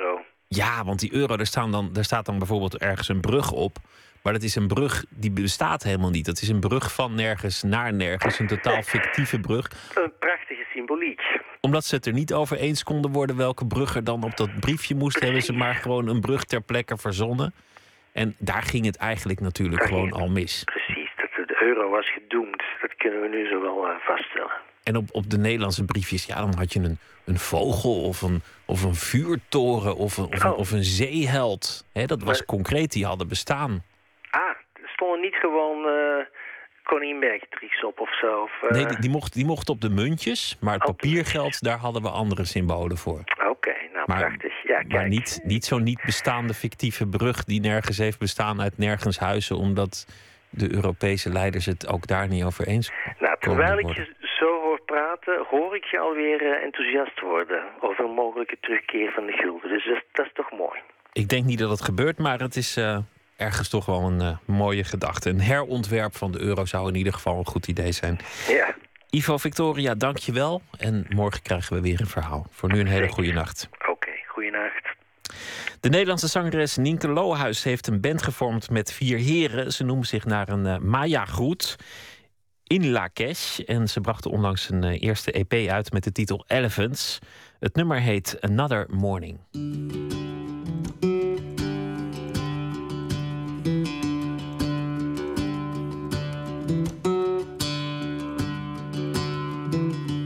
The day my eyes stop crying, all of the rush simply dying.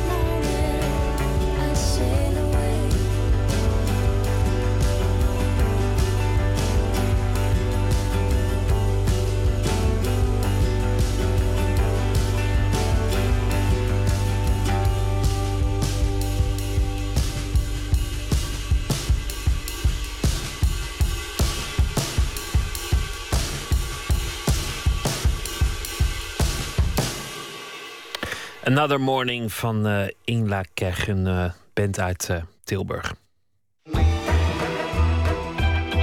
Nooit meer slapen.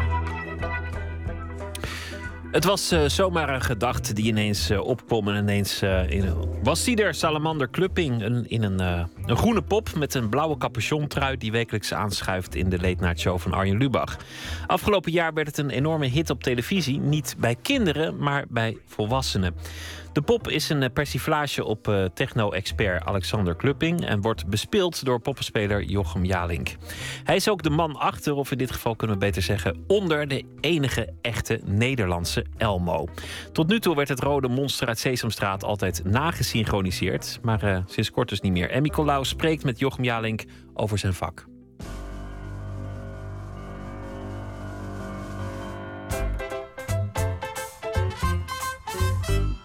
Weet wel dat ik als kind ehm, ja, poppenprogramma's echt verslond. En dan vooral de, de Jim Henson-series. Dus je had Sesamstraat, eh, de Fraggles, ik kom uit de jaren 80, dus de Fraggles. Eh, en later, toen ik wat ouder werd, eh, kwam ook de Muppet Show weer op herhaling. En toen ik dat eenmaal zag, toen ontstond daar een soort vreemde obsessie voor. Dat zijn obsessie met Muppets nooit overgegaan is, zie je meteen als je het huis van Jochem Jaarlink betreedt.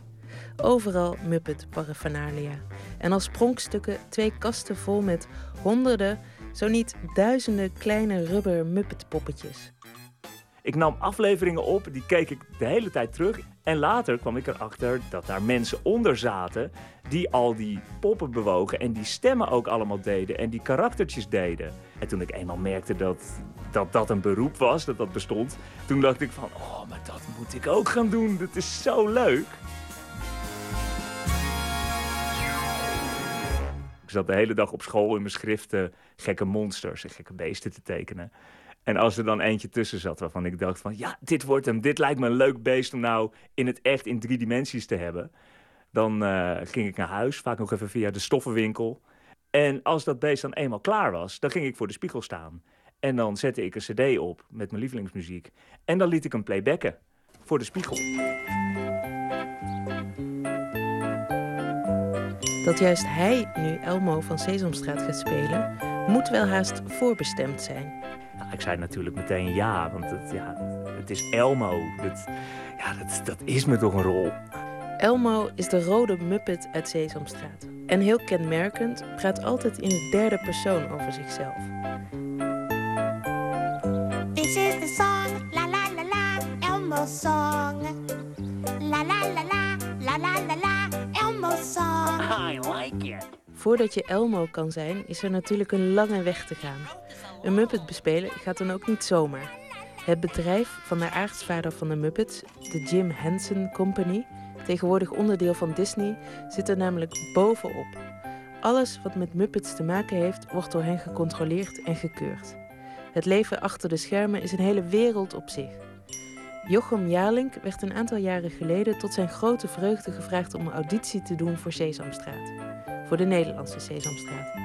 Kevin Clash, de bespeler van de Amerikaanse Elmo en zogenaamd Muppet Captain, vloog speciaal voor de audities uit Amerika. Als ze zo mensen zoeken, dan houden ze niet open audities. Dan, wordt dat, dan is dat altijd gesloten en intern en eh, ja, via de mensen die ze kennen. En dan kom je daar binnen en dan zo'n eh, ja, zo'n Kevin Kleijs, dat is een soort Johan Cruijff van de poppenspelers. Want via de Nederlandse Sesamstraat moest je dan eerst naar New York. Eh, nee, nee, nee. Die audities die werden hier gehouden. Eh, Kevin was hier naartoe gekomen met een, met een hele groep poppen. Ehm, en daar zaten onder andere de poppen tussen die uiteindelijk Angsthaas en Stuntkip zouden worden. En het was een soort poppenspelers-idols waarbij je eh, om de beurt eerst de basistechnieken van het praten, het bekken zoals wij dat noemen in het poppenspel, eh, de kijkrichtingen, de echte basale bewegingjes. En vervolgens het eh, uitwerken van een personage terwijl je speelt. Ehm, en daar ben ik uitgekomen als Angsthaas en Erik Jan Lens, een andere poppenspeler, als stuntkip. Kinderen van Nederland. Jullie zitten net op tijd bij de televisie voor een nieuw avontuur van Stuntkip. Zoals jullie kunnen zien staat Stuntkip bij de tuin van de buurman.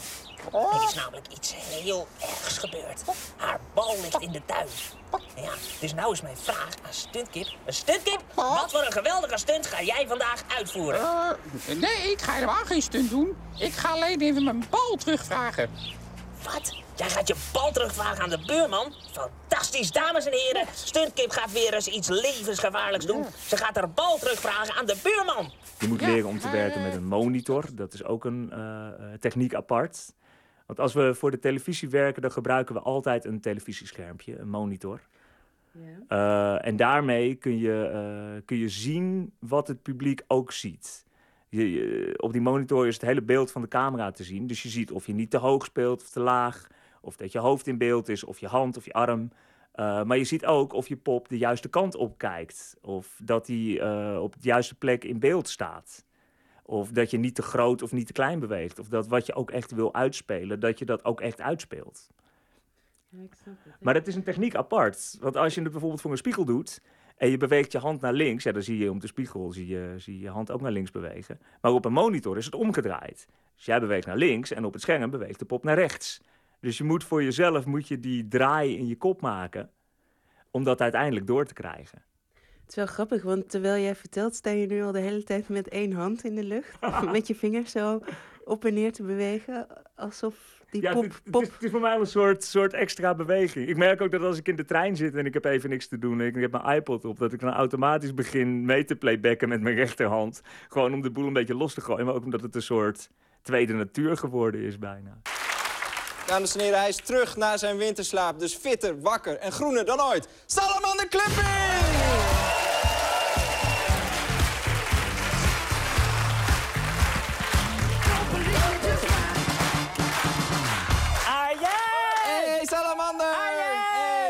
Salamander! Gelukkig nieuwjaar. Ja, jij ook gelukkig nieuwjaar, man. Dankjewel. Hoe was je winterslaap? Oh, die was epic. Ja? Ik voel me echt tien jaar jonger. Maar, maar je bent zeven. Klopt. Ja? De echte salamander ligt, die ligt in Hilversum. En Elmo mag je ook niet zomaar meenemen, volgens mij. Nee, nee, nee. Die wonen allemaal, die zijn allemaal goed beschermd in de studio's. Maar we hebben hier een poppetje dat wel een beetje hetzelfde werkt als, eh, als Salamander. Dus ik ben rechtshandig, dus meestal speel ik hem rechts. Je hebt twee ijzerdraadjes in je hand voor de inderdaad. handen. De, eh, de handjes, daar zitten stokjes aan. Elmo werkt trouwens op dezelfde manier, alleen Elmo is een stuk groter. Die is echt levensgroot. Ehm, Ik vind het heel raar. ik word er bijna een beetje verlegen van. er zitten er opeens twee naar je, naar je te kijken in plaats van één. Dus ik werk met, met rechts werk ik, eh, werk ik met de kop en eh, beweeg ik de bek. En dat bekken, dat is, een, dat is een techniekje apart. Dat doe je met je duim. Je bent meestal geneigd om, als je zo'n zo'n zo'n muppetbekje wil maken, om dat met je vingers te doen. Maar als je dat doet, het is jammer dat de radioluisteraars dit niet kunnen zien, maar dan gaan die ogen net even iets te veel op en neer. Die poppen aan zich, die hebben geen gezichtsuitdrukking. Maar toch laat je ze bijvoorbeeld triest kijken. Hoe doe je dat dan met deze? Eh, nou, dat is bijvoorbeeld weer een wetenschapje uit de meme. Eh, elke emotie heeft een richting. En eh droefenis of verdriet is een kijkrichting naar beneden. Dus als ik hem naar beneden laat kijken. Nee, dit is, je ziet het niet, maar je hoort het inderdaad aan jouw reactie. Dit is al verdriet. En dan zo'n klein subtiel bewegingje erbij, dat hij een beetje aan het, aan het sikkeneuren is. Het mooie is ook nu voor de luisteraars, ik zie, ik zie Emmy nu haar microfoon opeens op die pop richten, terwijl dat klopt natuurlijk helemaal niet. Oké, betrapt. Oh, hallo, namaak Elmo. Hallo, echte Elmo. Waar lacht de echte Elmo om? Nou, die tanden. maar het is je eigen verbeelding. Oh, jongen, nou, Elmo heeft maar een grappige verbeelding. Het heeft ook iets van, dat is een beetje psychologie van de koude grond, maar het heeft ook iets van jezelf verbergen en eh, zo'n pop eh, naar voren schuiven. Zou je ook als jezelf makkelijk op een podium gaan staan? Ja, ik, ik, ik was niet iemand die zei van nou, ik duik liever weg achter iets dan dat ik me laat zien. En natuurlijk heb ik ook mijn eigen introverte kantjes, eh, net zoals dat ik ook extraverte kantjes heb. Ehm, maar ik denk dat het eerder vanuit het acteren is dat ik liever met een pop werk. Het, er komt creatief ook meer uit. We hebben wel eens een voorstelling gedaan met Docs, een eh, eh, theatergroep uit Utrecht. En dat ging over vooroordelen en anders versus normaal. En daarin speelde ik een poppenspeler die, eh, die niet gezien wilde worden. Die voortdurend achter zijn poppenkast schuil bleef. En toen we die voorstelling gingen maken, mijn idee was eerst van ja, ik wil toch echt als poppenspeler meedoen aan deze voorstelling en niet als acteur. Maar gaandeweg eh gingen we toch allemaal met onze billen bloot. Eh, en ik zie er zelf, eh, ik heb zelf een wat afwijkend uiterlijk. Ik heb wit haar met een zwarte pluk in het midden. En ik heb pigmentvlekken in mijn gezicht en op mijn armen. En toen dacht ik op een gegeven moment van ja, nee, ik kan het niet maken om zelf niet op het podium te gaan staan. Ik moet daar ook bij. En daaruit is het einde van de voorstelling ontstaan. Namelijk dat ik met geweld uit de poppenkast word gesleurd. En in mijn onderbroek op het podium word gesmeten. Eh, we speelden veel voor middelbare scholieren, veel brutale klassen. eh, die heel heftig reageerden tijdens de voorstelling, die dingen riepen. Eh, en op het moment dat ik uiteindelijk naar buiten kwam, eh, werd er ook af en toe ook eh, met afschuw gereageerd. Eeuw, wat is dit? Wat een, wat een engert, wat een freak. Nou, dat, een- dat, het is radio, maar het is radio. Dat, dat lijkt me een beetje overdreven. Ja, nee, maar dat, dat, dat, zo, reageren, zo reageren kinderen natuurlijk. Aan de andere kant is het een facet van mezelf. Het is, eh, en zeker in die tijd speelde dat een veel grotere rol dan nu. Ik bedoel, je verandert en je ontwikkelt. Eh, ik ben er echt nauwelijks mee bezig op dit moment. He loves to sing la la la la Elmo's song. Oh, sing it. La la la la la la la la Elmo's song. He wrote the music. He wrote the words. That's Elmo's song. Wow, that's great. De Nederlandse Elmo die is eh, te zien in de spin-off van Sesamstraat 10 voor Elmo. Ik hoop dat er ook een eh, spin-off van Oscar de Grouch komt. En Salamander Klupping die, eh, krijgt weer een rol in de nieuwe serie talkshows van Arjen Lubach. Te zien vanaf zondag op de televisie. Uit Ierland de band The Young Folk. Een eh, debuutalbum heet The Little Battle. Daarvan hoort u My Friends.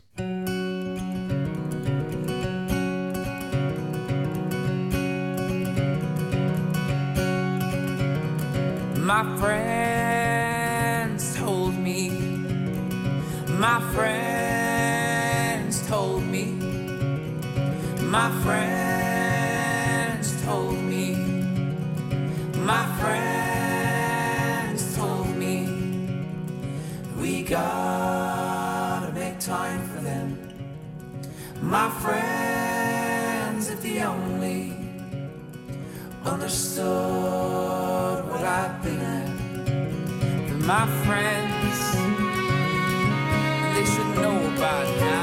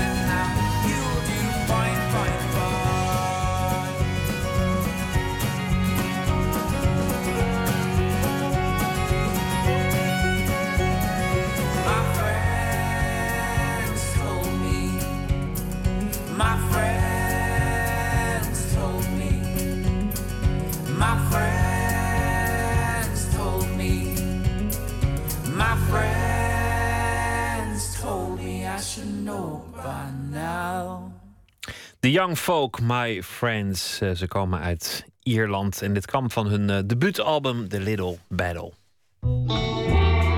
Nooit meer slapen.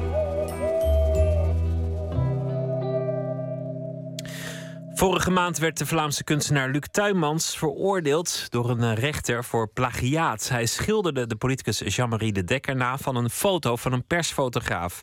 En dat was dus het eh, plagiaat, het naschilderen van een foto. Was die veroordeling nou terecht? Daar is eh, veel discussie over. Reden voor de Koninklijke Nederlandse Academie voor Wetenschappen om een debat te organiseren. Onze nachtcorrespondent eh, Botte Jellema was eh, genodigd, was daar aanwezig. En Botte, toen gebeurde er iets merkwaardigs. Want in die eh, buitengewoon respectabele Koninklijke Nederlandse Academie der Wetenschappen... in dat prachtige statige Ja. grachtenpand met die mooie oude boekenkasten... werd ineens porno gekeken. Ja, die zag ik ook niet aankomen, inderdaad. Dat eh, was een bijzondere belevenis eh, vanavond toen eh, een kunstenaar daar een exposé hield. En op de achtergrond, dat ging over een pornofilm die hij een soort van bewerkt had. En die hij daarna te koop aanbood aan iemand.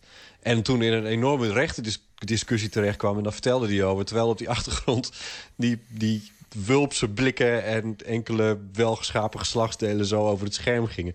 Dat leidde aardig af van eh, waarvoor ik daar eigenlijk was, namelijk die discussie. Dus eh, ik vertel je straks wel wat meer over die pornofilm, maar, maar die discussie. De kernvraag eh, van de avond was of onze auteurswet niet achterhaald is eh, zo langzamerhand. Uh, Barbara Visser, dat is de voorzitter van de Academie van Kunsten. Dat is een onderdeel van die eh, KNAW, Koninklijke Nederlandse Academie van Wetenschappen. Zij is dus de, de voorzitter daarvan en zij is ook beeldend kunstenaar. Zij vertaalde het als volgt. Het recht zoals het nu gehanteerd wordt stamt uit de 19e eeuw. En de beeldcultuur is in de afgelopen jaren gigantisch veranderd. Eh, waardoor de kunstpraktijk ook verandert. Omdat je je als kunstenaar met de cultuur als zodanig bezighoudt. En de beeldcultuur dus ook. En het feit dat het recht daar nog niet aan toe is... maakt het denk ik heel belangrijk om zo'n discussie te voeren. En te kijken van, nou, waar staan we? Waar staan de juristen? Waar staan de kunstenaars? Waar komen we overeen? Wat zou er kunnen veranderen? En nou, er gingen hier, hier al stemmen op voor een, eh, om een commissie eh, in het leven te roepen... om nou ja, misschien daar nieuwe kaders voor te precies. ontwikkelen. zijn nu zelf al op dat gebied eh, aan het verkennen geslagen. Want morgen opent in Antwerpen een tentoonstelling... waarin 140 plagiaatwerken zijn te zien... op basis van die foto van de Dekker. NRC Handelsblad heeft de oorspronkelijke fotograaf, eh Katrijn van Giel, gevraagd om weer een verslag te maken van die expositie. Dus het, eigenlijk is het plaatje zo ook wel weer rond. Ja, maar voordat ik je helemaal laat duizelen... een van de interessante kwesties die vanavond aan eh, orde kwam in dat debat... was bijvoorbeeld, hoe hebben ze dat in het buitenland eh, geregeld? We lopen nu achter, hoe hebben ze het daar al gedaan? Soms zijn ze er verder. Daarover kwam eh, Bernd Huggenholz aan het woord. Hij is hoogleraar informatierecht aan de Universiteit van Amsterdam... En hij had het over Duitsland, want daar hebben ze bijvoorbeeld een regel over de vrije bewerking. En die houdt in dat je onder omstandigheden andermans werk mag gebruiken... als je maar voldoende innerlijke afstand tot dat werk neemt. En dat klinkt wat abstract, maar daar wordt mee bedoeld... als je het een andere betekenis, een andere lading geeft. Ja, als je er dus een andere bedoeling mee hebt. En dat is bijvoorbeeld bij een paradiso. Maar ook, uh, Holst die zei uh, dat het zou kunnen gelden voor het werk van Tuymans... als dat in Duitsland aan de hand was geweest. Hugen Holst had een uh, kakelvers document bij zich... uit een ander werelddeel, namelijk uit de Verenigde Staten. Uh, daar heeft een Amerikaanse evenknie van de Academie voor Kunsten... zich ook over deze kwestie uh, gebogen. Uh, ja, wat doe je met andermans werk? Je mag het doen, maar het moet wel transformative use zijn.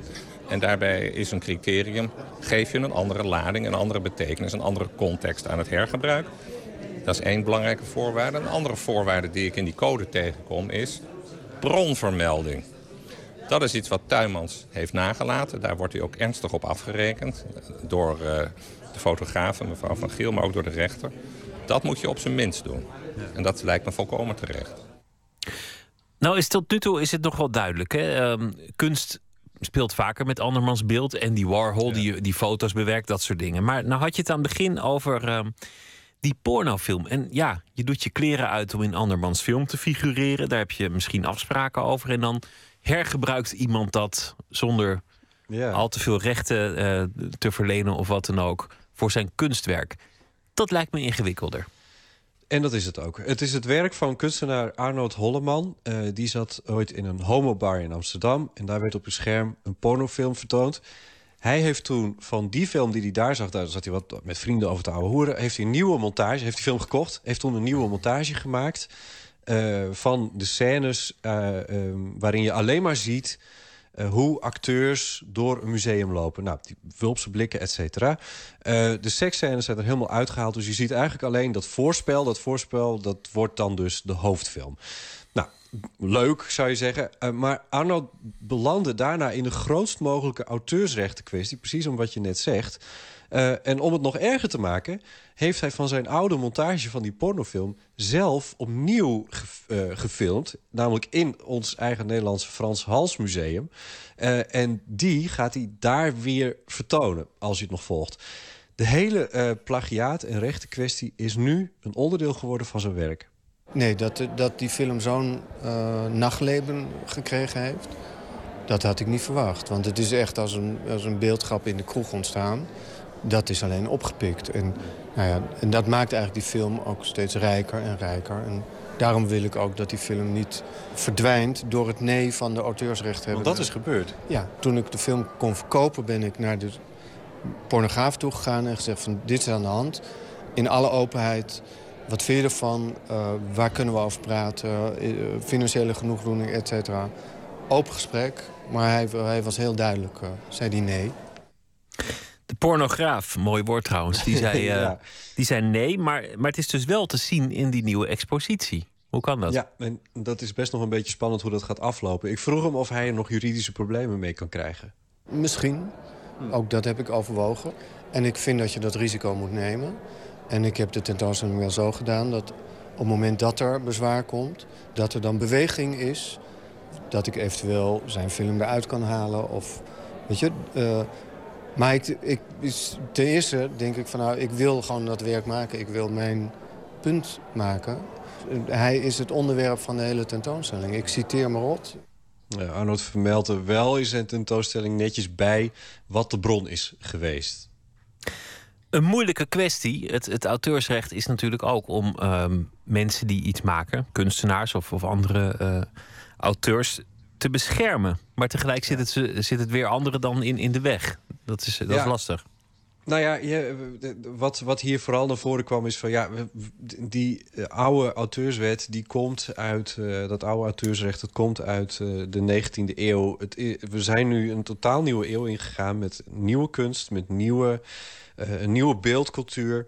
Daar, horen, daar hoort ook een, een aanpassing van zo'n wet bij. Dat is een beetje. het- het- die kunstenaars, er waren een aantal kunstenaars aanwezig en die zeiden eigenlijk allemaal zonder uitzondering van ja, wij willen gewoon alle vrijheid hebben om te kunnen maken wat we willen. En of dat nou gebaseerd is op iets anders of niet, dat interesseert ons verder niet zo heel erg veel. En er zaten ook heel veel juristen in de zaal. En die zeiden, ja, dat, is allemaal wel prima... maar het bestaat, die wet die kan uit de 19e eeuw zijn... maar hij bestaat niet voor niks. Eh, er, er is, de, zoals je zelf ook al schetste... Van, er zijn eh, bijvoorbeeld acteurs in jouw stuk aan het werk... en die verschijnen dan ineens weer ergens anders. Dat is misschien helemaal niet de bedoeling. Nou ja, zo ontstond er dus een discussie... waarbij eigenlijk nee, drie dingen uiteindelijk tenslotte eh, opvielen... Het gaat doorgaans nog niet eens zozeer eh, bij zo'n rechtenkwestie om geld... maar vaak om de eer, om de erkenning... en soms dus ook echt om een nee van zo'n pornograaf bijvoorbeeld... die het dan gewoon echt niet wil. Gewoon omdat hij niet wil, niet vanwege het geld, maar hij wil het gewoon niet. Het tweede is dat er eh, dus heel vaak gewoon echt sprake moet zijn... als van een nieuwe betekenis. Eh, dus dat het een andere betekenis heeft dan het oorspronkelijke werk... Ja, dan zou je er iets mee kunnen doen. Dan, dan wordt het ook echt gezien als nieuwe kunst. En die kwestie van bronvermelding. En natuurlijk gewoon in eerste instantie eh, even overleggen. Iemand toestemming vragen, een kop koffie drinken. Dat helpt natuurlijk Ja. al heel veel. In plaats van gewoon aan de slag gaan en dat iemand het ineens ergens ziet staan. Dat, dat zet altijd kwaad bloed, lijkt me. Ja, nou ja, er was, er was een advocaat eh, die veel met die kwestie bezig was... en die zei van, ja, pro- probeer dit vooral buiten de juridische zaken te houden... want je komt er toch niet uit. Dankjewel, Botte Jellema. Graag gedaan. Botte Jellema was dat eh, over de Koninklijke Nederlandse Academie voor de Wetenschappen... die een eh, avond hadden over het eh, auteursrecht. We gaan luisteren naar een artiest uit België, Ozark Henry... met het nummer We Can Be Heroes.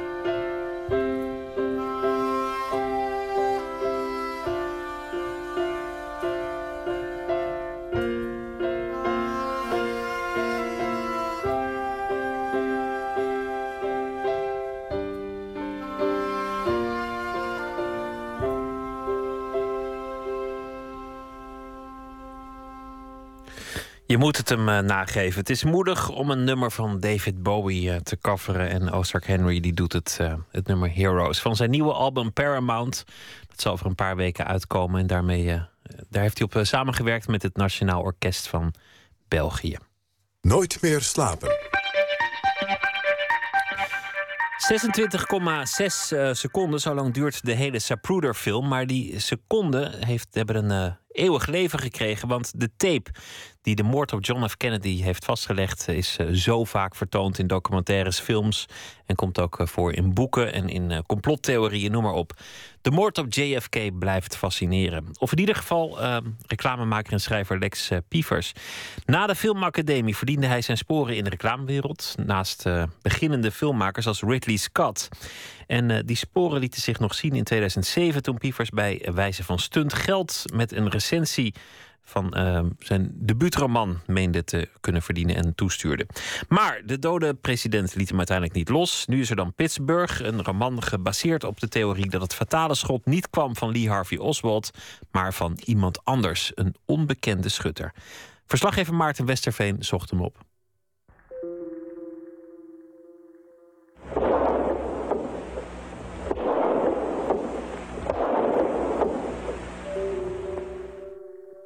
this is uh, Situation Room. I read uh, from the AP bulletin. Uh, Kennedy apparently shot in head. He fell face down in back seat of his car. Blood was on his head. Mrs. Kennedy cried, oh no, and tried to hold up his head. De moord op president Kennedy is een waarlijk historisch moment. Dat is eigenlijk vanzelfsprekend, maar ik ben twee decennia na de moord geboren en ken de aanslag alleen als een pagina uit geschiedenisboeken. Dat veranderde toen ik bij de voorbereiding voor mijn gesprek met schrijver en reclameman Lex Pievers de moord en de daaropvolgende nooduitzending ging bekijken. Journalistiek zwaargewicht Walter Cronkite probeert vanaf zijn bureau grip te krijgen op de stroom informatie. Niet alleen voor hemzelf, maar ook voor Amerika. Two priests who were with Kennedy say that he is dead of his bullet wounds. That seems to be about as close to official as we can get at this time. Voor velen is de moord nog steeds een blijvende bron van fascinaties en obsessies. Aan complottheorieën geen gebrek. Een van die theorieën inspireerde voormalig reclamemaker en schrijver Lex Pievers tot het schrijven van zijn complotroman Pittsburgh. Met zijn eigen schutter, Jake Delaney. Jake zou de derde schutter zijn. Dus niet Lee Harvey Oswald vanuit het boekendepot of de schutter vanaf de grassy knoll, maar vanuit een put langs de weg. Allemaal mooi natuurlijk, maar waar was Pievers toen de president vermoord werd? Eh, ik was toen tien jaar. Tien jaar was ik. En eh, ik, ik kan me herinneren dat de, sorry, de, de, impact voor mij was eigenlijk het feit dat ik mijn vader nooit had zien huilen. En toen zag ik mijn vader voor het eerst huilen. En dat was toch wel gek natuurlijk. Als je voor het eerst je vader echt ziet huilen. En daarvoor nooit. Denk ik, nou, dit is heel bijzonder. Ja. Wist je wie Kennedy was voordat hij vermoord werd? Ja, nee, dat, dat was zover was het wel voor mij duidelijk dat, eh, dat hij president was. Ik, was. ik zat natuurlijk op lagere school en daar werd wel over gesproken. En dus dat was, het was wel duidelijk dat er iemand vermoord was die een heel belangrijk iemand was. Heb je begrepen waarom je vader eigenlijk huilde? Ja, omdat het voor hem als iemand die heel geïnteresseerd was in, in politiek en zeker in, in grootmachten. Hij had eh, echt veel boeken in zijn kast staan van Stalin, Hitler, Mao, noem maar op. Maar ook Eisenhower, Roosevelt, dat stond allemaal bij hem in de kast. Dus er was bij hem een grote interesse voor eh, mensen die, eh, van groot kaliber. En ja, Kennedy was daar natuurlijk zeker één van. Kan je doorgronden waarom je vader daar dan even zo goed om huilde? Wat was er nou... eh, heeft hij daarover gesproken bijvoorbeeld? Kon hij jou uitleggen waarom hij huilde terwijl jij daarna zat te kijken? Het moet ook voor je vader een bijzonder moment zijn geweest. Dat zijn zoon eh, hem zo in die staat zag. Ja, nou, ik denk vooral de impact die het had... omdat het natuurlijk veel... Kort daarna kwam het Zapruder-filmpje. Maar iedereen had natuurlijk wel in de gaten dat op het moment dat zijn vrouw de hersens van de trunk af moet halen van de auto... en eh, dat er iets gebeurd is wat zo verschrikkelijk was... waardoor hij ja, zwaar geroerd was. Maar hij was ook wel een, een groot fan van Kennedy, dus dat speelde allemaal. President Kennedy has been assassinated. It's official now. The president is dead. Women here in shock, some fainted. Men, Secret Service men standing by the emergency room, tears streaming down their face. Officiële lezing wil nog steeds dat Lee Harvey Oswald de enige schutter is geweest. Dat er geen andere schutters involved zijn, eh, bij betrokken zijn. Eh, het verhaal is dat Lee Harvey Oswald eh, natuurlijk al een soort van track record had die heel dubieus was. Eh, dat was, het begon natuurlijk al bij het feit dat hij dan in Rusland zat. Dat hij daar in een fabriek werkte eh, die raketapparatuur ontwikkelde en bouwde. En dat hij misschien wel een spion was voor de Amerikanen. Nou, dat soort verhalen. Uite- en uiteindelijk kwam hij naar, Amerika terug. En was hij actief op het gebied van Cuba. Hij was erg een- pro-Castro, eh, pro, eh, Castro-fan. Eh, was daar ook actief bij. Eh, nou, kortom, hij was gewoon de man die Kennedy heeft vermoord. En het eerste wat hij zei toen hij opgepakt was... I'm just a patsy, hè? Ik, ben, ik ben maar de zondebok. Dus er was gewoon een, het was een soort of cover-up, eh, stelden ze. Nou ja, er is een film gemaakt door Oliver Stone. Ik weet niet of je die gezien hebt met eh, JFK, met Kevin Costner. En daar krijg je eigenlijk ja, de conspiracy-theorie... eh, krijg je helemaal op een blaadje gepresenteerd. En wat ervan klopt, ja, wie het weet mag het zeggen. We're waiting for the swearing in at the plane before takeoff. Pleasure. Wat drijft nou al die mensen eigenlijk om, nou om zoveel energie aan deze moord te besteden? En, wat, en wat heb jij met ze gemeen? Nou, voor mij is, was het al heel snel duidelijk dat ik gewoon een thriller wilde schrijven. Dus ik ben niet uit op een, een journalistiek onderbouwd boek... of waar ik kom eh, met een blauwdruk van... jongens, kijk, zo is het gegaan. Ik heb eh, natuurlijk mijn voordeel gedaan met een enorme hoeveelheid boeken... waar ik eh, echt op een presenteerblaadje dingen kreeg aangeboden... van denk ik, hé, dat past heel goed in mijn fantasie en mijn verhaal... Ik heb wel getracht om het verhaal zo plausibel mogelijk te maken. Ik heb ook aan, ehm, aan Robert Groden gevraagd. Ik heb hem ontmoet, we zijn gaan eten s'avonds. Ik zei, luister Robert, vind je mijn verhaal plausibel? Een beetje wat ik jou nu vertel over het boek. En toen zei hij, ja, you've got a plausible story there. I said, why not? En ik zei, oké, so I'm, I'm, I'm, I'm telling you, I'm not a believer in, in that aspect. Zei, Maar ik ga voor de grassy dat is zijn ding.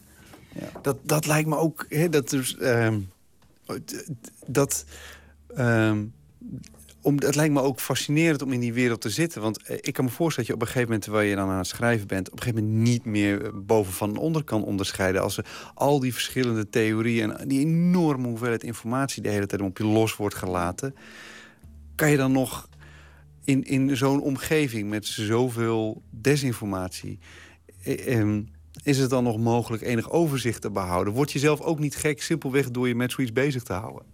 Nee, omdat je... Kijk, mijn verhaallijn stond redelijk eh, snel op papier. Eh, ik wist dat ik een spannend verhaal wilde schrijven. Ehm, eh, gebaseerd zoveel mogelijk op, op waarheden. Want eigenlijk er zijn er maar een paar personen in mijn boek die fictief zijn. Alle andere mensen zijn mensen van vlees en bloed in de zin van die bestaan, ja, die hebben bestaan of ze zijn inmiddels overleden, whatever. Maar ja, ik heb me zoveel mogelijk vastgehouden aan, aan, aan het, het verhaal zoals het is. Alleen ja, ik kom dan met een, een Jake Troy Delaney. This, this is the picture under it, right there. And there's another picture taken just moments, just moments, split moments before the assassination attempt is here. Let's see if we can get a real close-up of that picture. It has just arrived. It shows a smiling Mrs. Kennedy and the president in the front seat of the Wanneer ben je gaan schrijven? De meeste debutanten die zijn zo rond eh, eind 20, begin 30 zo'n beetje. Nou, het grote... Ik, ik, ik heb natuurlijk in het verleden dat ik eh, tv-commercials regisseerde. Eh, nou, dat was, dan was je toch eigenlijk een soort van circusdirecteur. En dan had je een hele stoet mensen achter je aan. Die, ja, eh, die jij leiding moest geven. Ik bedoel, zolang jij geen actie zei, gebeurde er niks. Dus op het moment eh, dat jij niks deed... Ja, dan, dus je was steeds bezig om die dag eh, allerlei zaken voor elkaar te krijgen. En dat gaf heel veel stress, want het was natuurlijk niet zoals bij een speelfilm. Eh, je had te maken met een batterij klanten. Ten eerste van het reclamebureau, de opdrachtgever. En dat reclamebureau had ook weer een opdrachtgever. Dat was dan meneer Audi of meneer Marsreep of wie dan ook. En die hadden ook een hele batterij mensen dan op die set staan. Dus je werkte dan toch wel onder de nodige stress. Je moest natuurlijk toch ook die mensen ook nog eens een beetje entertainen. In die tijd zeker. Dus je had een dubbelrol. Hè. Je was eh, entertainer, je was regisseur... en je was ook een beetje circusdirecteur. Kortom, eh, toen ik, ik, ik... Ik wilde toen eigenlijk al heel vaak gaan schrijven. Ik had wel het idee van dat ik een aantal ideeën had... die ik makkelijk op papier zou kunnen krijgen, dacht ik. En op het moment dat ik daarmee begon... ja, dan ervaar je natuurlijk de vrijheid die je op dat moment hebt... en alle rust waar je alles in kaart kan brengen. En dat is een groot goed. Wat maakt dat Lex Pievers zich in een scene waagt... waar nog dagelijks tienduizenden mensen zich bezighouden met de moord op JFK? De manier waarop deze moord heeft plaatsgevonden is natuurlijk blijft is altijd verwerpelijk. Ik bedoel, dat blijft en alleen mijn schutter, mijn schutter had een excuus. En dat is denk ik ook de kracht van het boek. Dat mensen denken, of denken, die leren mijn hoofdpersoon kennen... en denken, gaanderweg, waarom heeft hij Kennedy vermoord? Heeft hij het wel gedaan? Want deze man is eigenlijk best prettig. Heeft veel interesse, is veelzijdig, is een leuke man, mm, heeft tekst. eh, waarom? En dat, denk ik, is tegelijkertijd ook de reden waarom je het boek uitleest. Want je wil weten, waarom heeft Jake Troy Delaney Kennedy vermoord? Only history can write the importance of this day. Were these dark days the harbingers of even blacker ones to come? Or like the black before the dawn, shall they lead to some still as yet undiscernible sunrise of understanding among men.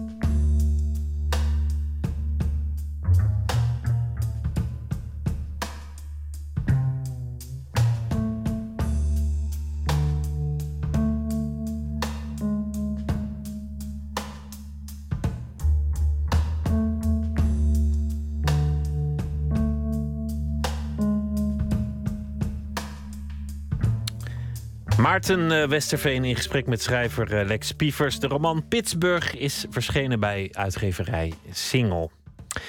We gaan luisteren naar eh, Hanneke van Eiken. Zij is eh, dichter en we sluiten de afleveringen af met een gedicht dat zij eh, zal voordragen van een van haar favoriete dichters. Ze debuteerde zelf in 2013 met de bundel Papieren Veulens. Ze werkt aan haar tweede bundel en ze is ook onderzoeker en docent Europees recht aan de Universiteit Utrecht. Vandaag heeft ze gekozen voor een eigen gedicht. Eentje die wordt opgenomen in haar nieuwe bundel.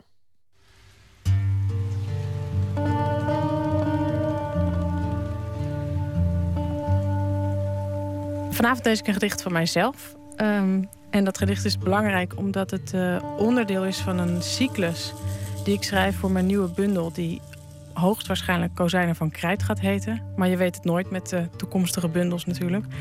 Ehm, het is eh, onderdeel dus van een cyclus van eh, op dit moment zeven gedichten, maar dat kan nog uitdijen of ingeperkt worden.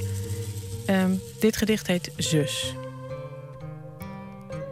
Je tekent kozijnen van krijt. En we klimmen uit ramen van tijd de middag in.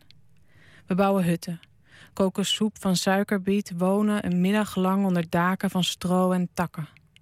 In die dagen geloven we nog dat Madonna in de radio woont. Op ons verzoek begint met zingen. Morgen krijgt u eh, nog een keer een eh, gedicht van eh, Hanneke van Eiken. Dit was alvast uit haar nieuwe bundel. Morgen in Nooit meer slapen, Mr. Polska. En een paar jaar uitgegroeid tot de Poolse variant van ja, wat je dan zou noemen de, de knuffelpol. Overal waar de Nederlandse-Poolse rapper komt, vloeit wodka en gaan handen in de lucht. Met gemiddeld meer dan 100 shows per jaar. Een graag geziene gast in zo'n beetje alle hoeken van het land. Samen met zijn vaste producer Boas van Beats creëert hij een soort stuiterballen sound. Een gekke mix van hip-hop, gabber en house. En eh, je kunt eigenlijk maar één ding doen, dat is eh, gaan. Anton de Goede die, eh, praat morgen met Mr. Polska in Nooit meer slapen. Want hij heeft een tweede studioalbum uit deze week. Snoller met een dollarteken. Laconieke zidaarheid noemt Eva Gerlach het. De manier waarop Bianca Sistermans alledaagse ergernissen in beeld brengt. In het boek Alledaagse Ergernissen komen bijna 50 foto's van Sistermans samen met teksten van de dichters Eva Gerlach en Sascha Jansen. Tijdens een lunchmaaltijd vertellen ze over hun favoriete ergernissen. En we gaan op pad met eh, Jules Deelder, dichter en eh, jazzliefhebber en vinylliefhebber. En natuurlijk nachtburgemeester van Rotterdam. Hij heeft samen met zijn band De Deeldeliers een nieuwe plaat gemaakt. Deeldelerium. En eh, de komende tijd gaan ze veel optreden met muziek. En deze week haalden ze het nieuwe vinylalbum op bij de fabriek in Haarlem. Een dubbelaar met een zwarte en een witte plaat. Dat allemaal morgen in Nooit meer slapen. Zometeen de nachtzuster Astrid. Vertel, wat, eh, wat voor kwesties eh, Denk ja, ik, ik weet het nog niet, maar ik vind het wel fijn dat ik even bij je aan mag schuiven. Want ik krijg veel klachten van mensen dat we na tweeën niet meer te bereiken zijn. Dus mensen kunnen nu al gaan bellen naar 0800-1121 met allerlei vragen. En dan straks natuurlijk de antwoorden. En dan ga ik gewoon nu de telefoon vast opnemen tijdens het nieuws. Zodat we straks, als we beginnen om twee minuten over twee... Oh ja, omdat, die Ja. lijn natuurlijk helemaal vol Ja, we loopt. hebben natuurlijk maar één telefoontoestel staan met twee lijnen. Dus ja, op een Ik snap moment... het. Nou, ik wens je heel veel plezier. Eh, meer slapen. 0800-1121, sorry. Oh. Goeienacht allemaal. Op Radio 1. Het nieuws van alle kanten.